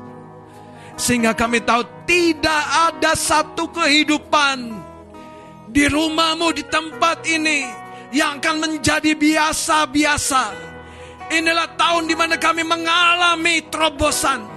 Inilah tahun di mana kami mengalami kesembuhan. Tahun ini bukan tahun depan. Kami akan melihat pertolongan Tuhan, pembelaan Tuhan. Tidak ada satu pergumulan yang lewat dari hatimu. Pembelaanmu terjadi. Terima kasih. Terima kasih, terima kasih Tuhan mengiringmu seumur hidupku masuk dalam rencanamu Bapa. Saya undang gereja anak untuk boleh diundang masuk. Haleluya. Ku serahkan padamu harapanku Terima kasih Tuhan. Bersamamu Tuhan. Jadikanku Berjananmu Untuk memuliakanmu. Beri tepuk tangan bagi Tuhan Yesus.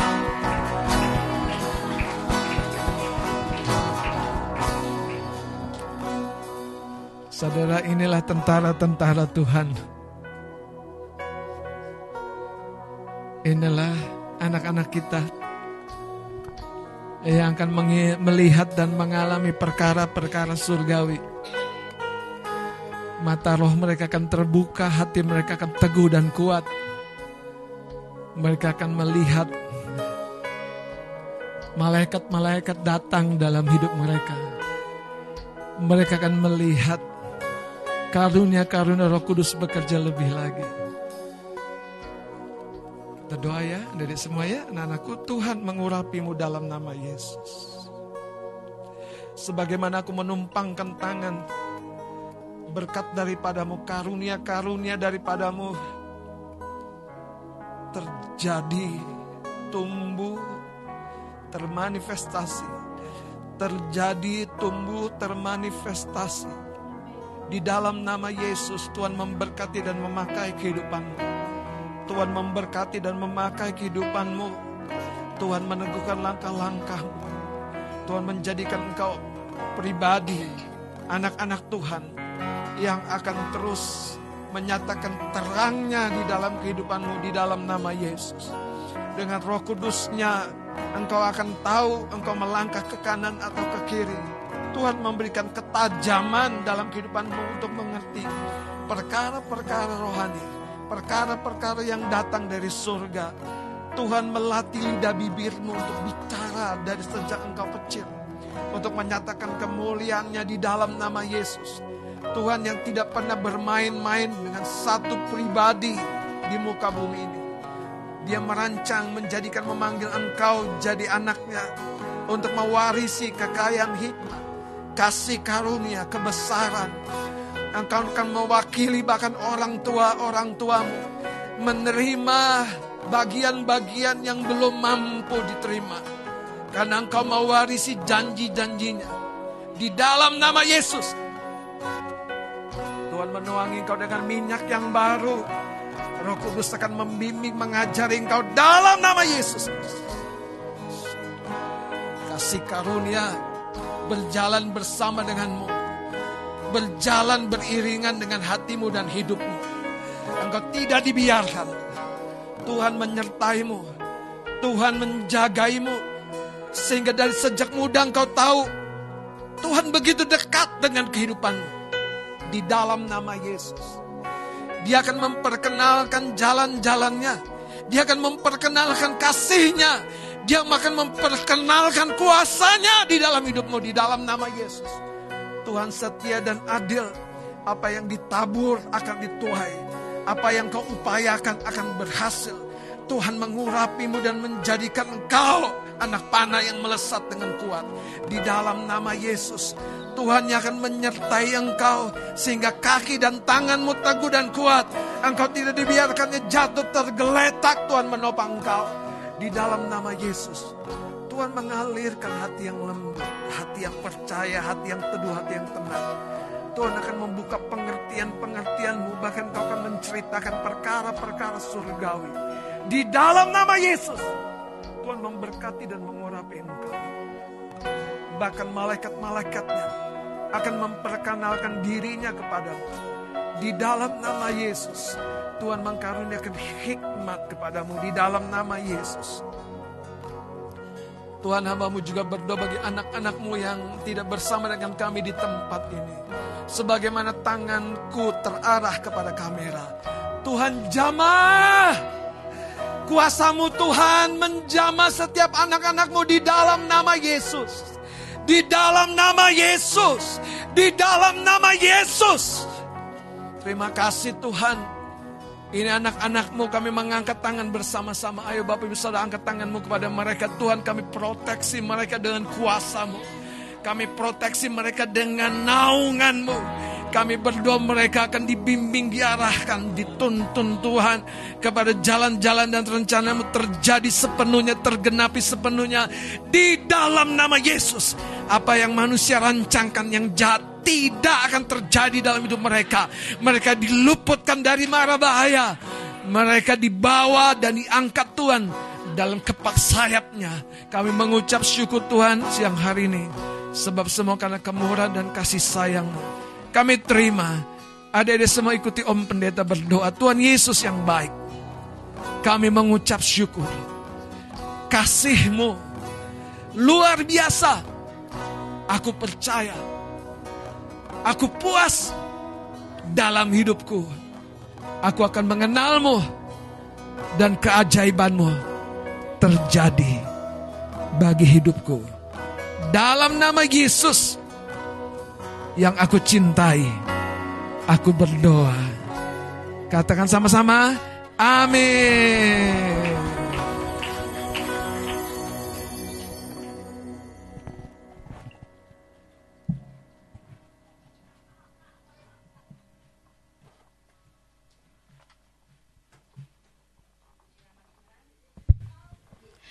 Puji nama Tuhan. Sebuah kata-kata sederhana bahwa responmu menentukan berkat yang engkau terima. Amin. Jangan jadi anak Tuhan yang maunya recehan, Tapi terima prosesnya, lakukan yang terbaik dan percaya Tuhan yang membawamu semakin naik tinggi ke atas. Amin. Baik, sebentar kita akan mendengarkan pengumuman untuk hari Minggu 30 Juli 2023. Informasi kegiatan untuk seminggu ke depan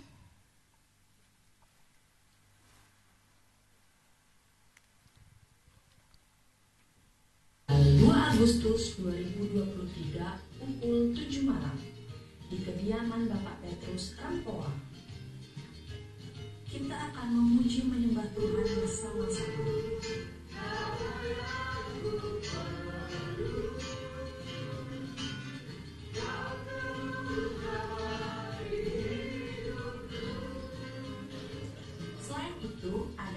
Bersama dan kesaksian.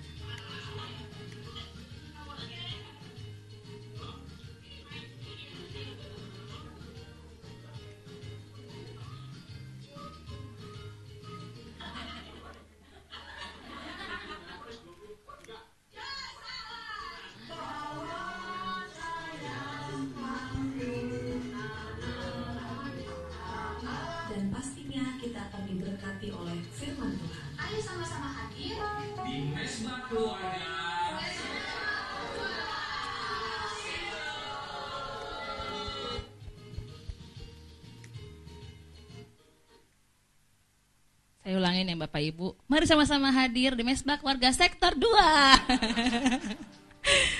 Jangan lupa hari Rabu 2 Agustus 2023 di rumah papa saya, Pak Petrus di Rempoa pukul 19.00 atau jam 7 malam.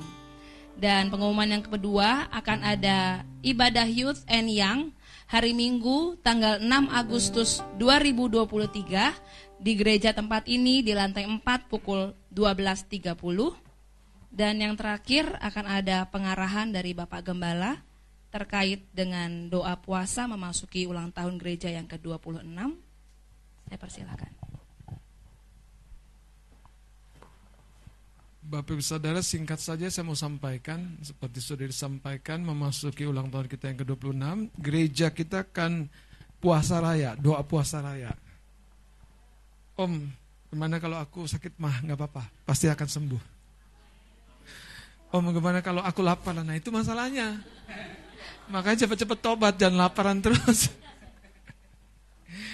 Nah kapan sih mulainya? Itu tanggal 11. Tanggal 11. Kenapa tanggal 11? Jadi kita akan berpuasa selama 21 hari. 21 hari ya. Dan itu dihitung 7 hari demi 7 hari. Jadi 7 hari kali 3 saya juga tidak tahu bagaimana dengan lengkapnya, tapi ini yang Tuhan taruh kepada saya. Supaya kita puasa raya mulai dari tanggal 11 sampai tanggal 31 Agustus. Tanggal 11 itu hari apa? Hari Jumat. Yang biasanya suka bilang sama saya, happy weekend ya bang. Nah itu dia. Siap-siap.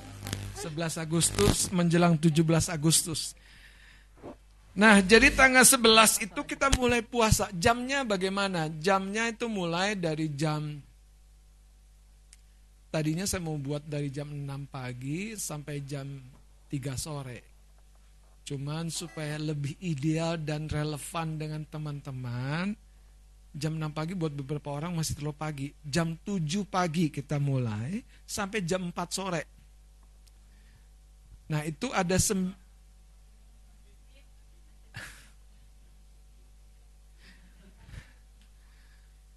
Jadi yang masak ya hati-hati. Jangan tergoda dengan masakan sendiri. Jam 7 pagi sampai jam 4 sore itu ada 9 jam ya. Ya. Kenapa 9 jam? Masing-masing tuh ada hitungannya, Saudara. Masing-masing ada hitungannya. Jadi itu tidak kebetulan. Supaya nanti uh, ketika tiba waktunya kita akan belajar Masing-masing ada hitungannya. Jadi cukup jelas tanggal 11 Agustus sampai 31 Agustus dan tanggal 31 Agustus itu ulang tahun gereja kita. Ya. Dan nanti akan diatur lebih lanjut lagi supaya jelas seperti apa pokok doanya nanti akan diinfo melalui sekretariat. Tetapi yang pasti tiap malam selain hari Minggu malam, tiap malam selain hari Minggu malam itu ada pertemuan doa satu jam di sekretariat. Ya, ada pertemuan doa. Saudara, sekali lagi doa puasa ini pasti akan menghasilkan terobosan, pasti. Sebab kita sedang menyerah kepada Tuhan. Dan menyerahnya secara bersama-sama. Itu yang akan terjadi dan luar biasa. Karena itu boleh nggak kita bawa pokok doa kita masing-masing di pertemuan doa itu? Sangat boleh. Sangat boleh. Makanya hadir dari tanggal 11 sampai tanggal 31. Bapak Ibu Saudara, selain itu juga kesempatan doa puasa itu kesempatan di mana kita mengalami karunia-karunia Roh Kudus. Anda baca kisah Rasul saja. Ketika jemaat lagi berdoa puasa, Tuhan bicara, pisahkan, khususkan Paulus. Nah, saya percaya banyak hal-hal yang seperti itu Tuhan akan bicara di dalam pertemuan doa puasa. Makanya atur aktivitas kita. Biar kita bisa hadir. Nggak bisa tiap hari datang, ya paling enggak misalnya Anda jadwalkan berapa kali dalam 21 hari itu Anda upayakan datang. Terakhir saudara, datang dengan sebuah pengharapan yang gimana ya menerjemahkannya ya. Jangan biasa saudara. Jadi pengharapan kita tuh menentukan level atau tingkatan Tuhan bekerja mencurahkan lawatannya makin kita berharap dengan bahasa saya dalam tanda kutip yang menggila, Tuhan akan berkarya lebih besar lagi. Sebagai contoh, Tuhan aku rindu dong tahun ini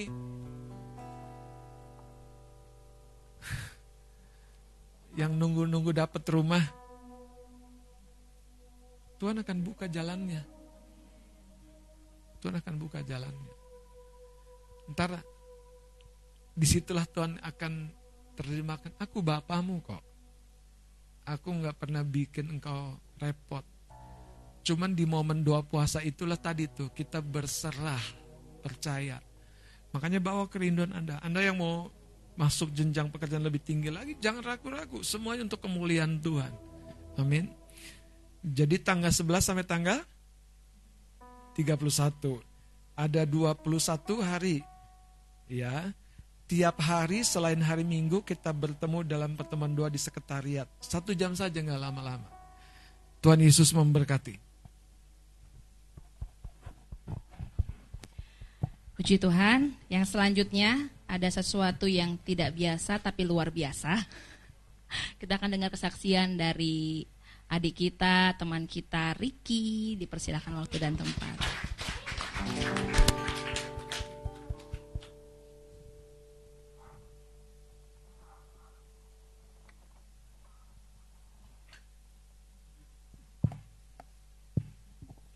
Ya puji Tuhan Shalom. Ya mungkin beberapa udah ada yang tahu, udah ada yang dengar. Sebenarnya kesaksian kali ini juga sekalian izin pamitan karena uh, ya puji Tuhan keterima kerjanya itu di rumah sakit yang ada di Lampung dan hari Selasa akan berangkat. Jadi mungkin ini hari terakhir bisa beribadah bareng-bareng uh, dengan Bapak Ibu dan teman-teman semua. Uh, banyak pertolongan Tuhan yang telah saya alami sendiri jadi kesaksian ini mungkin kurang lebih uh, merangkum selama 15 tahun terakhir saya ada di sini, sekolah minggu terakhir di sini sampai di tahun ini kita bisa bertemu kembali itu kurang lebih 15 tahun. Jadi akan saya coba rangkum melodi dong, biar agak dramatis.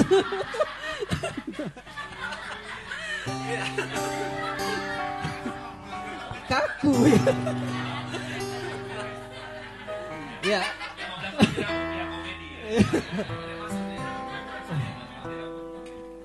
Ya, jadi saya meninggalkan uh, gereja kita ini kur kok berhenti? Kurang lebih itu saat kelas 5 SD kalau nggak salah ya. Menjelang kelas 6 udah mau kelas udah udah kelas 6 tapi baru masuk, baru mau masuk. Gitu. Jadi itu tuh kurang lebih tahun 2008. 2008 itu sebenarnya orang tua duluan sih yang pergi ke Nias kan jadi karena orang tua bilangnya sayang kalau ijazahmu itu ijazah Nias mending kamu ke Jawa aja sama paman di Temanggung Jawa Tengah. Jadi ijazahmu ijazah Temanggung di Jawa Tengah. Jadi kelas 6 SD ke sana deh gitu. Setelah udah selesai dari sana SMP saya balik balik ke Nias SMP kemudian lanjut SMA SMA atas pertolongan Tuhan. Saya bisa ikut program beasiswa kelas unggulan. Jadi itu memang salah satu sekolah favorit di Nias Selatan dan dimasuk asramakan kemudian setelah dari SMA sana saya lanjut uh, ikut salah satu program beasiswa lagi pendidikan kedokteran dan puji Tuhan itu juga bisa diloloskan Tuhan. Bahkan uh, itu full beasiswa jadi nggak bayar uang pembangunan yang sekian ratus juta nggak bayar uang semester yang puluhan juta dan bahkan dapat uang saku 800 ribu per bulan. Itu lumayan untuk tambah-tambah. Gitu sampai akhirnya saya bisa uh, menyelesaikan program semuanya dan selesai sampai di sini. Bapak Ibu itu semua terkesan uh, mulus ya sangat indah untuk didengar. Tapi sebenarnya itu penuh perjuangan yang berdarah-darah ya. Remuk itu badan bisa ngelewati itu semua. Jadi waktu kelas 6 SD itu selesai itu kan memang pergi ke tempat paman ya. Saya ini kan anak pertama waktu itu memang dari tiga bersaudara. Masih tiga sekarang udah lima bersaudara. Gitu. Dari ya memang waktu masih sama orang tua hidup nggak enak-enak amat. Tapi paling enggak ya kita nggak disuruh kerja ya kan? Suka tidur suka-suka makan suka-suka tiba-tiba ke rumah orang di kelas 6 SD saya kaget bangun harus pagi bangun harus jam 5 itu harus nyapu ngepel pagi jam 6 saya nyuci piring Ya jadi saya kaget semua itu. Hal-hal yang nggak pernah saya kerjakan saya disuruh kerjakan seperti itu. Saya tertekan ya sebagai anak kelas 6 SD disuruh kerja kayak gitu. Bahkan uang jajan aja nggak dikasih itu loh masalahnya. Ya jadi saya ke, ke, ke apa ke sekolah itu sama teman-teman. Kalau ada teman-teman yang jajan saya minta. Ya. Saya nggak kasih duit uang jajan masalahnya. Saya minta, saya minta. Ya. Kadang-kadang kalau lagi baik itu wali kelas suka ngasih di 2000 Karena saya musik sana jajan gitu Karena kasihan mungkin saya ngeliat nggak bisa jajan gitu itu pulang sekolah karena saya masih tertekan kadang saya lama-lamain biar nggak pulang sekolah dulu karena kan pasti disuruh kerja lagi nyuci piring lagi gitu. belum lagi ngurus uh, keponakan ya adik saya waktu itu masih umur 2 tahun itu kadang saya harus bantu dia untuk nyiapin dia makan ya kadang kalau dia buang air besar saya harus bantu ini ceboin gitu. di kelas 6 SD mikirnya ini apaan? Kurang lebih kerjanya harusnya saya main-main. Ini kok udah jadi kayak kerja kayak begini. Sore masukin uh, apa namanya ayam-ayam ke kandang gitu kan. Malam harus tidur lebih cepat. Bukannya nggak mau bukannya bukannya uh, apa bukan bukan karena ngantuk tapi ya mau ngapain lagi? Mau nonton gak enak mau makan karena lapar juga segan mau main keluar juga ya nggak punya temen. Yaudahlah tidur aja kadang jam 7 jam 8 udah tidur. Selama satu tahun seperti itu sampai tiap pagi kadang mikir sambil ngepel itu ya jam 5 pagi kan ngeliat bintang sambil nyanyi ku pandang wajahmu. Kurang lebih satu tahun seperti itu. Kemudian karena saya nggak tahan harusnya sih kata bapak sampai SMP aja di sana tapi satu tahun itu udah menderita banget gitu terkesannya menderita ya tapi itu banyak hal sebenarnya yang diajarkan kepada saya waktu itu saya diajarkan bagaimana tata krama mengambil nasi aja rupanya ada caranya megang sapu ada caranya makan rupanya ada caranya nggak boleh bunyi gitu semua diajarin memang berat tapi semua berguna rupanya setelah saya pikir-pikir. SMP kemudian saya balik ke Nias ya. SMP ya mikirnya sih enak ya udah bakal bareng keluarga rupanya enggak. Rupanya jarak sekolah ke kota itu cukup jauh ya satu jam. Kalau dari sini Jakarta mungkin satu jam dekat ya tapi di sana jauh lumayan ya. Karena jalannya, soalnya karena jalannya. Jadi saya harus ngekos gitu. Karena ngekos ya dikasih duit memang tapi ya duit itu enggak enggak seberapa. Jadi saya harus berpikir hemat pagi saya nggak sarapan jadi pas pulang pas mau ke sekolah itu SMP saya harus rebus uh, telur satu biji taruh di rice cooker jadi pas pulang sekolah itu telur udah bisa dimakan kan udah matang dan itu bagi dua telur satu biji itu bagi dua satu setengah siang setengah malam untuk menghemat itu kurus banget beneran bahkan saya pernah saking nggak ada duit dan nggak ada air saya harus minum air keran sekali doang untungnya. Jangan sampai dua kali deh beneran itu lengket itu di tenggorokan. Kalau kalau penasaran boleh coba sih tapi nggak direkomendasikan. Selama SMP itu ya jadi harus bertahan. Hmm, di SMA kemudian SMA saya masuk program beasiswa kan. Mikirnya udah enak juga kan udah beasiswa masuk asrama bla bla bla bla. Tapi ya bagaimanapun ya kita anak sekolah pasti iri kan kalau ngelihat teman-teman itu jajan kita nggak bisa jajan ya kan? Teman-teman bisa beli ini kita nggak bisa. Akhirnya saya mikir kan gimana biar biar bisa biar bisa dapat duit? Rupanya ya adalah sisa uang sedikit sisa uang sedikit. Saya mikir gimana biar bisa biar bisa banyak. Akhirnya saya pergi ke grosir saya beliin eh, apa namanya jajanan yang sebal-bal itu terus beli susu beli indomie itu saya jualin saya masukin ke tas tas sekolah saya bawa ke asrama itu koper isi apa isi pakaian itu semua saya keluarin koper itu jadiin buat dagangan dan itu lumayan bisa menambah penghasilan rupanya. Tapi itu kurang lebih 2-3 kali sehari dalam seminggu saya harus turun kan Katolik itu kan identik dengan bukit ya tinggi ya. Jadi asramanya juga tinggi eh, apa harus jalan kaki ke atas gitu. Jadi kurang lebih naik turun itu cukup nguras tenaga itu, bikin keringat kita. Jadi seperti itu kurang lebih selama 2 tahun karena satu tahun pertama belum kepikiran. Jadi memang harus berjuang supaya ya minimal bisa kalau teman-teman ngajak main kita bisa ikut minimal itu. Gitu nggak mesti kaya deh pokoknya. Ya kan kuliah akhirnya kuliah menjelang tamat ya pas sudah mau kuliah itu bingung mau kuliahnya ke mana. Pengen sih kuliah yang agak bagusan nanti percuma aja bapak juga nggak punya duit ya kan. Uh, pastinya sih mikirnya bakal kuliah sambil kerja gitu kan tapi uh, rupanya waktu SMA itu kan ada program SNMPTN-nya jalur undangan kan. Kalau contohnya berdasarkan gaji orang tua bisa gratis bahkan kalaupun bayar mungkin murah ya UKT kan uang kuliah tunggal. Ikut gitu kan udah udah udah udah, udah optimis gitu pasti bakal bakal lewat karena memang dibantu sama sekolah banget gitu kan dan nilainya tuh bagus gitu. Eh rupanya sekolah kami kena blacklist. Jadi dua tahun mulai dari angkatan kami sampai ke bawah nggak bisa ikut SNMPTN coba deh SBMPTN SBMPTN ya kalau memang bayar sih tapi ya nggak mahal-mahal banget kan. Eh nggak lulus juga.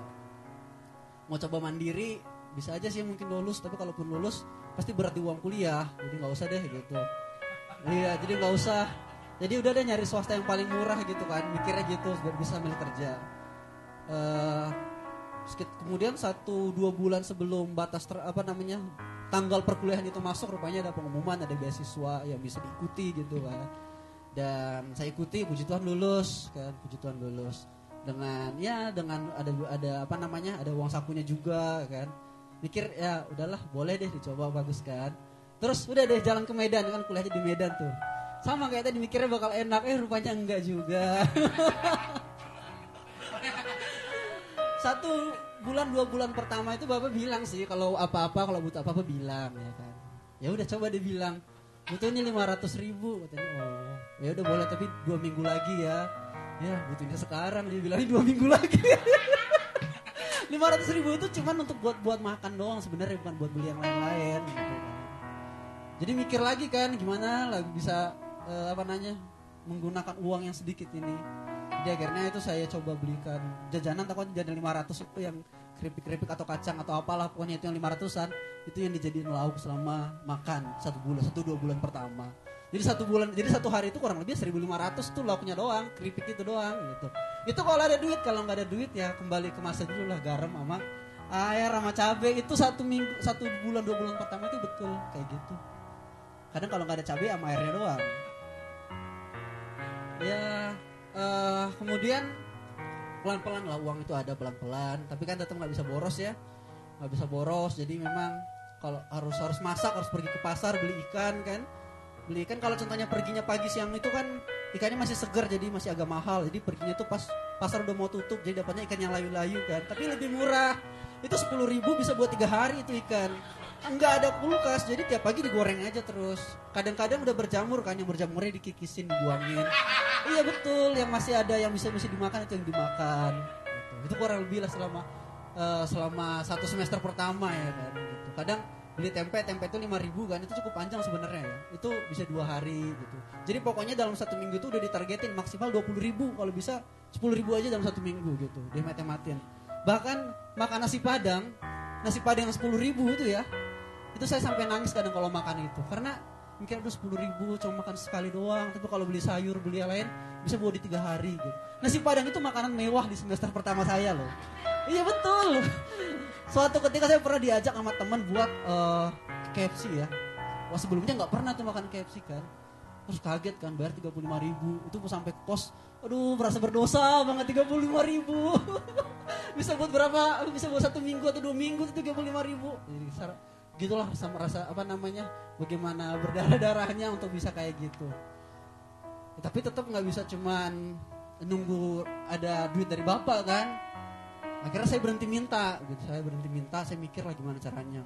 Semua kerjaan saya uh, saya coba saya coba gitu. Waktu itu yang saya sesali sebenarnya ketika teman-teman bisa fokus belajar saya harus bagi dua fokus sama fokus belajar sama cari duit gitu. Sama buat bertahan hidup kan gitu. Karena buat minta dari orang tua tuh aduh susah banget gitu. Walaupun ada paling bapak coba bisa ngirim dua ratus ribu dua ratus ribu bertahan berapa hari. Kalau udah di semester 5 semester 4 gitu kan. Jadi memang dari semester 1 semester 2 tuh udah mikir banget bagaimana caranya. Itu keliling lowongan keliling kota Medan tuh jalan kaki nyari lowongan yang ditempel-tempel tuh kan. Ada kan lowongan pekerjaan lowongan pekerjaan gitu-gitu kan. Itu dihubungin kadang-kadang kena tipu ya kan? Kadang iya kadang-kadang disuruh uh, disuruh apa depo duit dulu segini. Ya udah jadi uang itu ya namanya berjuang ya nyari gitu-gitu. Uh, kadang kalau lewat apa namanya untuk jalan potong lewat jalan pintas biar cepet itu lewatin rel kereta api ya jam jam 12 siang. Itu kan trik banget itu di bawah ditambah dengan rel kereta api besi. Itu kan nanti nyengatnya itu aduh nyengat-nyengat banget gitu. Itu harus di betul-betul saya jalani harus untuk mencari lowongan pekerjaan doang gitu. Saya nganter uh, bikin lamaran ke matahari buat menjadi SPG rupanya tingginya kurang. Gitu. Jadi akhirnya akhirnya saya mikir lagi gimana lah ini gitu.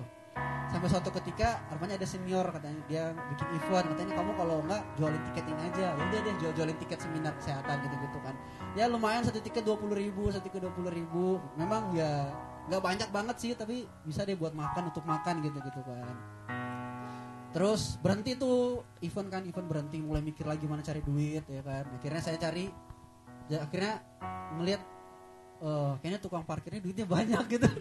saya daftar jadi tukang parkir. saya datangnya di tukang parkir, saya tanya eh, ibu-ibu kebetulan, Bu, kalau mau jadi tukang parkir di sini gimana caranya gitu. Uh, besok datang aja ke sini ketemu sama ini sama bosnya gitu. Udah jadi ya tukang parkir. Tapi nggak tahan cuma dua hari, nggak tahannya karena uh, mental sih, nggak tahan di mental. Sampai-sampai dimarahi juga kan sama warga sekitar situ. Karena kan kita kan nggak tahu tuh yang di sekitar yang kita jaga itu tuh siapa aja yang sebenarnya itu rumahnya di situ jadi dimarahi dia katanya uh, logatnya ya logatnya orang Medan tuh kayak uh, kau kalau mau naga parkir dia lihat rumahku depan itu jangan asal kota kita aja iya. Ya itu tukang parkir. Kemudian habis itu beralih lagi beralih lagi. Jadi ngelap-lap doorsmer ngelap-lap doorsmer itu satu mobil 2000 kan. Kami ada empat orang. Eh satu mobil tuh 8000 kami ada empat orang yang ngelap. Jadi satu mobil itu yang ngelap empat orang 8000 bagi empat. Jadi 2000 satu mobil. Dari pagi sampai sore itu terkumpul paling tinggi cuma pernah 18000 doang. Jadi kayak mikir lagi aduh 18000 cuma habis di tenaga habis di waktu mikir lagi kan cari lagi. Akhirnya ditawarin pernah ada buat bagian selebaran brosur jualan rumah. Jadi kalau kita masuk mall parkiran mobil itu kan kita ambil cari karcis kan. Nah itu di situ kami berdiri di situ bagi-bagiin. Iya bagian brosur kan. Terus rupanya dosenku yang lewat. Bikin kamu ngapain di sini? katanya. Biasa dok cari duit. Gitu gitu. Ya udah ya udah itu tahan kurang lebih uh, beberapa minggu sih karena memang itu nggak tiap hari. Tapi lumayan sih bayar lima puluh ribu dua jam berdirinya berdiri dua jam gitu kan. Sampai akhirnya Tuhan buka pintu lah untuk dapat tuh um, dapat berkat lah ya sampai bahkan bisa mem, memberikan uh, lebih ke orang tua bisa beli motor sendiri laptop sendiri handphone sendiri semua bisa beli sendiri. Uh, dan itu butuh waktu yang lama perjuangannya juga kan. Artinya memang enggak enggak enggak semudah itu waktu itu berlalu. Nggak akhirnya eh, program perkuliahan boleh diselesaikan terus internship magang setahun di Kalimantan. Waktu itu mikirnya wah akhirnya perjuangan udah selesai ini udah bisa magang udah dapet gaji. Rupanya tercampak kan di sana. Disampaikan di sana di Kalimantan. Mikirnya ya udahlah nggak apa-apa di pelosok. Tapi paling enggak kan pasti mikirnya oh, kalau di Kalimantan mungkin lebih gede kali ya gajinya atau minimal ada tunjangan. Rupanya nggak ada juga. Gajinya ya standar gitu doang. Jadi ya cuma untuk biasa biaya hidup uh, sehari-hari doang. Nggak ada yang bisa di uh, kalaupun ada tabungan ya paling tabungan untuk yang untuk dega, dana darurat aja nggak ada yang bisa buat dibeli dibelanjakan atau dibelikan sesuatu nggak ada. Gitu. Sampai akhirnya saya ke sini kan? Saya ke sini. Saya ke sini ya sama ya mikirnya gitu bahwa hmm, jadi semoga pas sampai ke Jakarta bisa dapat uh, uh, apa namanya minimal pekerjaan yang lebih baik gitu. Minimal pekerjaan yang lebih baik. Uh, banyak uh, tes tes yang dicoba kan. Terus dikasih coba yang memang income-nya oke lah gitu kan sampai di seleksi seleksi akhir gagal. Sampai di seleksi akhir gagal. Seleksi akhir gagal. Selalu seperti itu. Selalu, selalu maksudnya lewat seleksi awal sampai sampai udah mau ke akhir tuh gagalnya tuh di akhir terus. Sampai mikirnya ke Tuhan tuh gini "Eh, aku di posisi ini kan karena karena karena dirimu ya Tuhan ya tapi kok pas sudah mau sampai di apa namanya di akhir ini gagal terus gitu. Apa aku salah jalan? Kadang-kadang kan mikirnya apa aku terlalu sombong gitu. Apa apa apa apa, apa di mana salahnya gitu kan kadang mikir. Hingga akhirnya ya memberikan berani memberanikan diri ya buat sharing sama Bang Adit juga. Dan selama memang enam bulan ini juga eh, betul-betul mikir lagi coba renung-renungkan lagi kenapa eh, seperti ini gitu. Kenapa stagnan di sini? Kenapa terhenti di sini gitu. Akhirnya Tuhan sadar eh, memberikan jawaban ya lewat hati bahwa menerima berkat Tuhan itu pasti ya tapi bagaimana sikap hati kita ketika sudah menerima berkat Tuhan itu yang kadang-kadang memang perlu diproses lebih lagi dan proses pembentukan hati itulah yang bikin kadang-kadang kita geleng-geleng kepala, elus-elus dada sampai bilang ya Tuhan gitu. Proses pemurniannya itu loh. Bahkan dalam kitab Amsal ada satu ayat berkata jangan berikan aku kekayaan atau kemiskinan. Kalau kekayaan nanti aku bakal bertanya siapa Tuhan itu. Kalau aku miskin nanti aku akan mencuri. Saking pentingnya menjaga suatu hati ketika kita menerima proses berkat itu sendiri. Gitu. Bahkan dalam firman Tuhan juga bilang aku memberikan kepada eh, mereka yang dikasihininya pada waktu tidur gitu kan. yang dikasihininya loh pada waktu tidur di ayat lain dibilang tujuh perkara yang dibenci oleh Tuhan nomor satu ini sombong dan itu harus saya sadari memang bahwa selama proses perjalanan yang udah Tuhan kuatkan Tuhan berikan berkat yang melimpah kesombongan itu kadang-kadang muncul. Ah wah aku bisa nih aku bisa nih aku bisa nih aku bisa nih. Nggak nggak sadar sombongnya itu nggak sadar. Bukan karena nggak bukan karena sadar tapi nggak sadar sombong itu muncul. Kira Tuhan bilang itu berkat itu ada kok tapi hatimu udah siap belum? Bakal sombong nggak? Bakal ingat tetap ingat Tuhan nggak? Jangan sampai nanti udah berkat itu udah ada kemudian ngomong ah siapa itu Tuhan aku bisa karena aku bisa kar- eh, melewati semua ini karena aku pintar karena aku cakap karena aku sanggup padahal semata-mata semua karena pertolongan Tuhan itu yang Tuhan eh, taruhkan selama eh, enam bulan selesai, udah lima bulan ya lima bulan selama selesai program intensif sampai hari ini. gitu. Jadi pemurnian proses hati itu ketika kita sudah menerima berkat Tuhan itu bagaimana? Karena karena sayangnya Tuhan ke kita itu loh makanya Tuhan bilang "Eh, bukannya nggak mau kasih tapi hatimu belum siap nanti kamu sombong gitu. Itu yang Tuhan taruh di di hati saya. Kemudian eh, satu pesan ingin sampaikan bahwa saya nggak tahu ya titik terendah kita pasti berbeda-beda ya. Saya juga nggak tahu apakah semasa saya kuliah atau semasa saya kecil itu sudah titik terendah atau bahkan ke depannya bakal ada yang lebih rendah lagi saya nggak tahu. Tapi yang pasti di titik terendah dalam kehidupan kita tetap berada dalam naungan Tuhan itu ada pilihan paling tepat gitu. Karena ketika kita berada dalam titik terendah kita akan hilang arah, kita akan pusing. Ini jalan Tuhan atau bukan gitu. Kita akan meragukan Tuhan. Kecewa kepada Tuhan itu sudah sering banget saya alami ya, meragukan eh, apa namanya pertolongan Tuhan itu sering banget saya alami. Eh, sakit hatinya ke Tuhan itu sering banget saya alami gitu. Karena kenapa? Saya ngikut Tuhan itu bukan satu tahun dua tahun.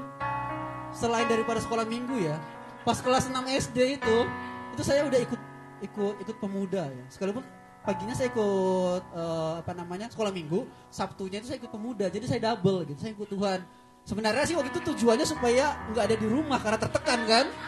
Tapi ya tapi tetap saya ikut gitu loh ibadahnya. Bahkan sampai saya ke Nias SMP kelas 1 itu saya cari gereja terdekat, ibadahnya tuh tiap hari loh Senin sampai Minggu. Terus saya datengin tuh, saya datengin, saya datengin gitu. Kalau contohnya komsel ke rumah jemaat itu kan waktu itu kan nggak ada ini ya, nggak ada transportasi online, kendaraan juga nggak ada. Jadi jalan kaki kita 30 menit satu jam jalan kaki, jalan kaki. Pelayanan saya pertama itu OHP. Wah zaman dulu masih OHP ya kan sampai diangkat Tuhan pelan-pelan jadi penerima tamu lah, jadi singer, jadi WL gitu. SMA juga gitu, SMA saya udah masuk asrama kan, harusnya nggak bisa pelayanan, tapi saya nggak peduli kan. Saya Sabtu Minggu saya pergi ke gereja di mana saya bertumbuh, situ saya melay- melayani lagi. Kadang saya nginep di di pastorinya, jadi Sabtu itu pas Minggu pagi kita bersihin kamar ma- ka- kamar mandi, bersihin gereja, nyusun nyusun kursi, gitu juga pas pulang kita susun kita bersihin lagi. Kadang sebelum WL karena jemaat itu agak jauh-jauh itu biasa kadang saya jemput dulu kan jemaatnya kadang nggak sempat mandi jadi setelah selesai jemput jemaat udah deh langsung aja naik mimbar tanpa mandi tanpa berdandan gitu itu yang kadang saya bilang ke Tuhan kayak aku ikut Tuhan itu bukan satu dua tahun doang udah lama. Tapi kok kayak kayak nggak ada kejelasan abu-abu gitu. Mungkin itu titik, titik terendah saya dalam meragukan Tuhan. Tapi yang pasti bahwa dalam titik terendah pun dengan keraguan yang seperti itu pun saya tetap datang kok saya tetap datang ke gereja sekalipun saya nggak tahu ada manfaatnya sih nggak sih datang udah datang aja di pokoknya gitu intinya bahwa mungkin ke depannya kita atau sedang mengalami titik terendah titik terendah dalam kehidupan kita nggak apa-apa dia tetap aja datang ke hadapan Tuhan. Sekalipun nggak ada sama sekali harapan itu terlihat tetap aja datang gitu. Karena bukan nggak ada kita hanya aja yang belum lihat gitu. Kita hanya aja yang belum sadar. Jadi tetap aja datang sampai Tuhan mengubah uh, masalah itu menjadi berkat bagi kita sendiri. Uh, karena ini hari terakhir saya mau cukup egois boleh bawa satu lagu ya persembahan pujian ya. Tapi yang yang tapi yang fresh lah ya kalau slow nanti nanti kita ini berlinang air mata. Gak usah.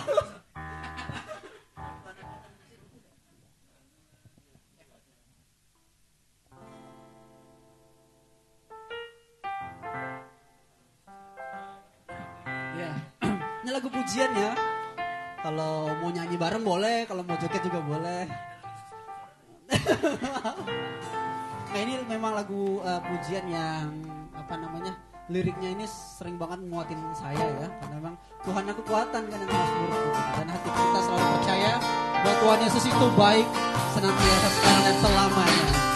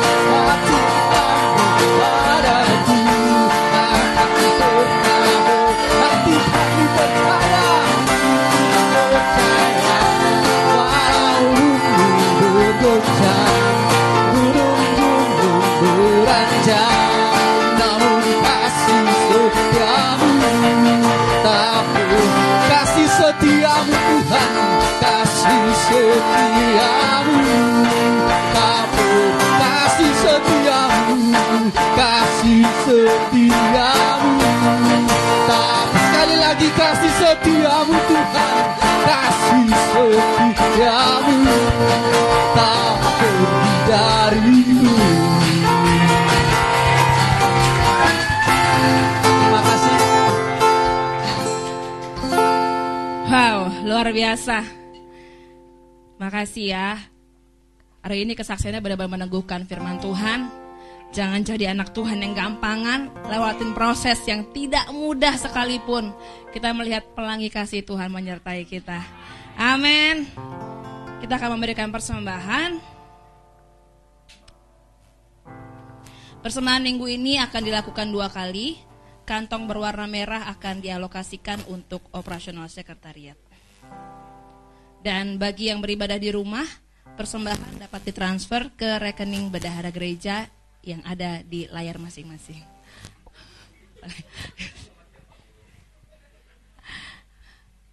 Kayaknya asik tadi ya si Ricky nyanyi ya. Aku boleh dong undang Ricky maju ke depan. Kita sama-sama nanti nyanyi lagu persembahan bareng-bareng dengan Ricky biar Ricky yang ngelit. Oke okay ya? Ini aji mumpung kayaknya ya. Lagu ini aja nggak apa-apa tadi. Gue mau selalu bersyukur.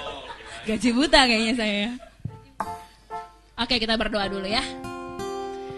Kami bersyukur kepadamu Tuhan. Ibadah hari ini sungguh luar biasa kami terima berkat yang berlipat-lipat kali ganda.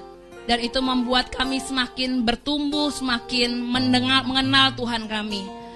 Sebentar kami akan memberikan persembahan kami Tuhan. Biar Engkau yang melihat hati yang tulus, hati yang benar, mempersembahkan yang terbaik buat Tuhan.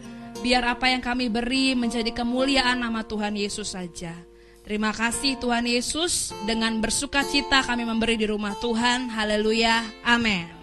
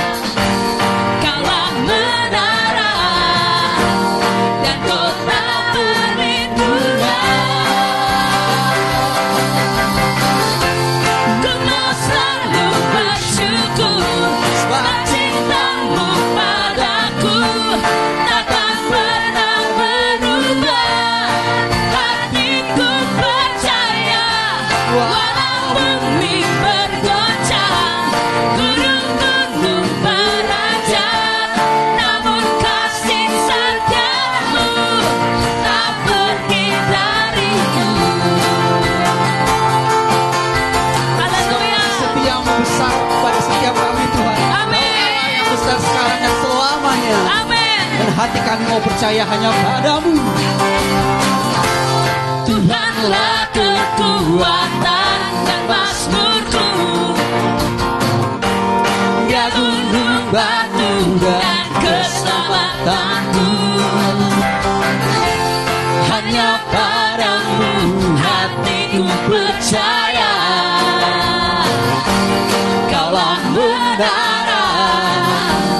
dan ku tak perlu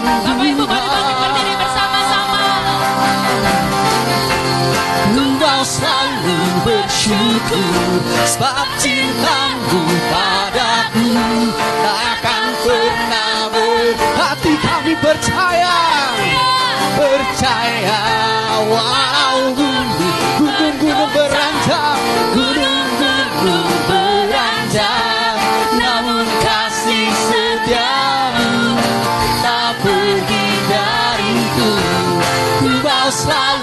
bersyukur. Sebab cintamu padaku Takkan pernah Katakan hatiku Hatiku percaya. Walau bumi bergunung-gunung beranjak. Sebab kasih setiamu Kasih setiamu.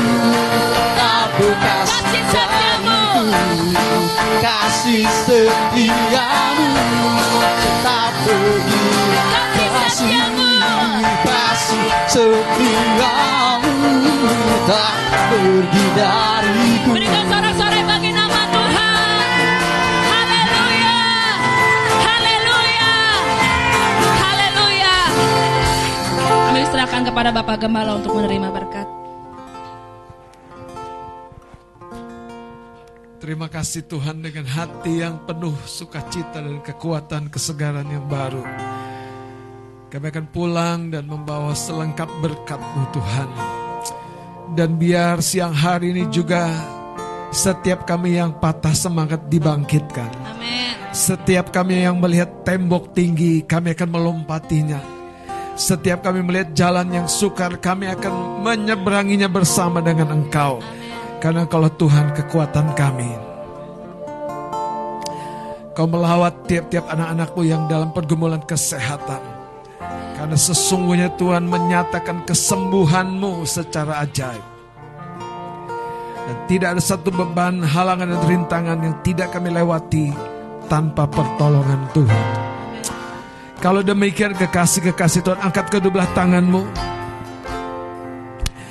Bapak biarlah kasih sayang dan kemurahanmu itu Tuhan. Yang melampaui akal dan pikiran kami dinyatakan, dicurahkan. Berlimpah-limpah melampaui perhitungan manusiawi kami. Biarlah cinta kasih daripada Tuhan Yesus Kristus yang terus menguatkan dan mengobarkan di dalam diri kami kesegaran yang baru. Dan biarlah persekutuan Roh Kudus hikmat dan bimbingannya menyertai sekalian kita yang percaya. Mulai hari ini sampai selama-lamanya, Maranatha Tuhan Yesus datang pada kali yang kedua. Di dalam nama Yesus Kristus, dan semua kita yang diberkati dan percaya katakan amin, amin, amin. Tuhan Yesus memberkati. Selamat hari Minggu, Tuhan Yesus memberkati.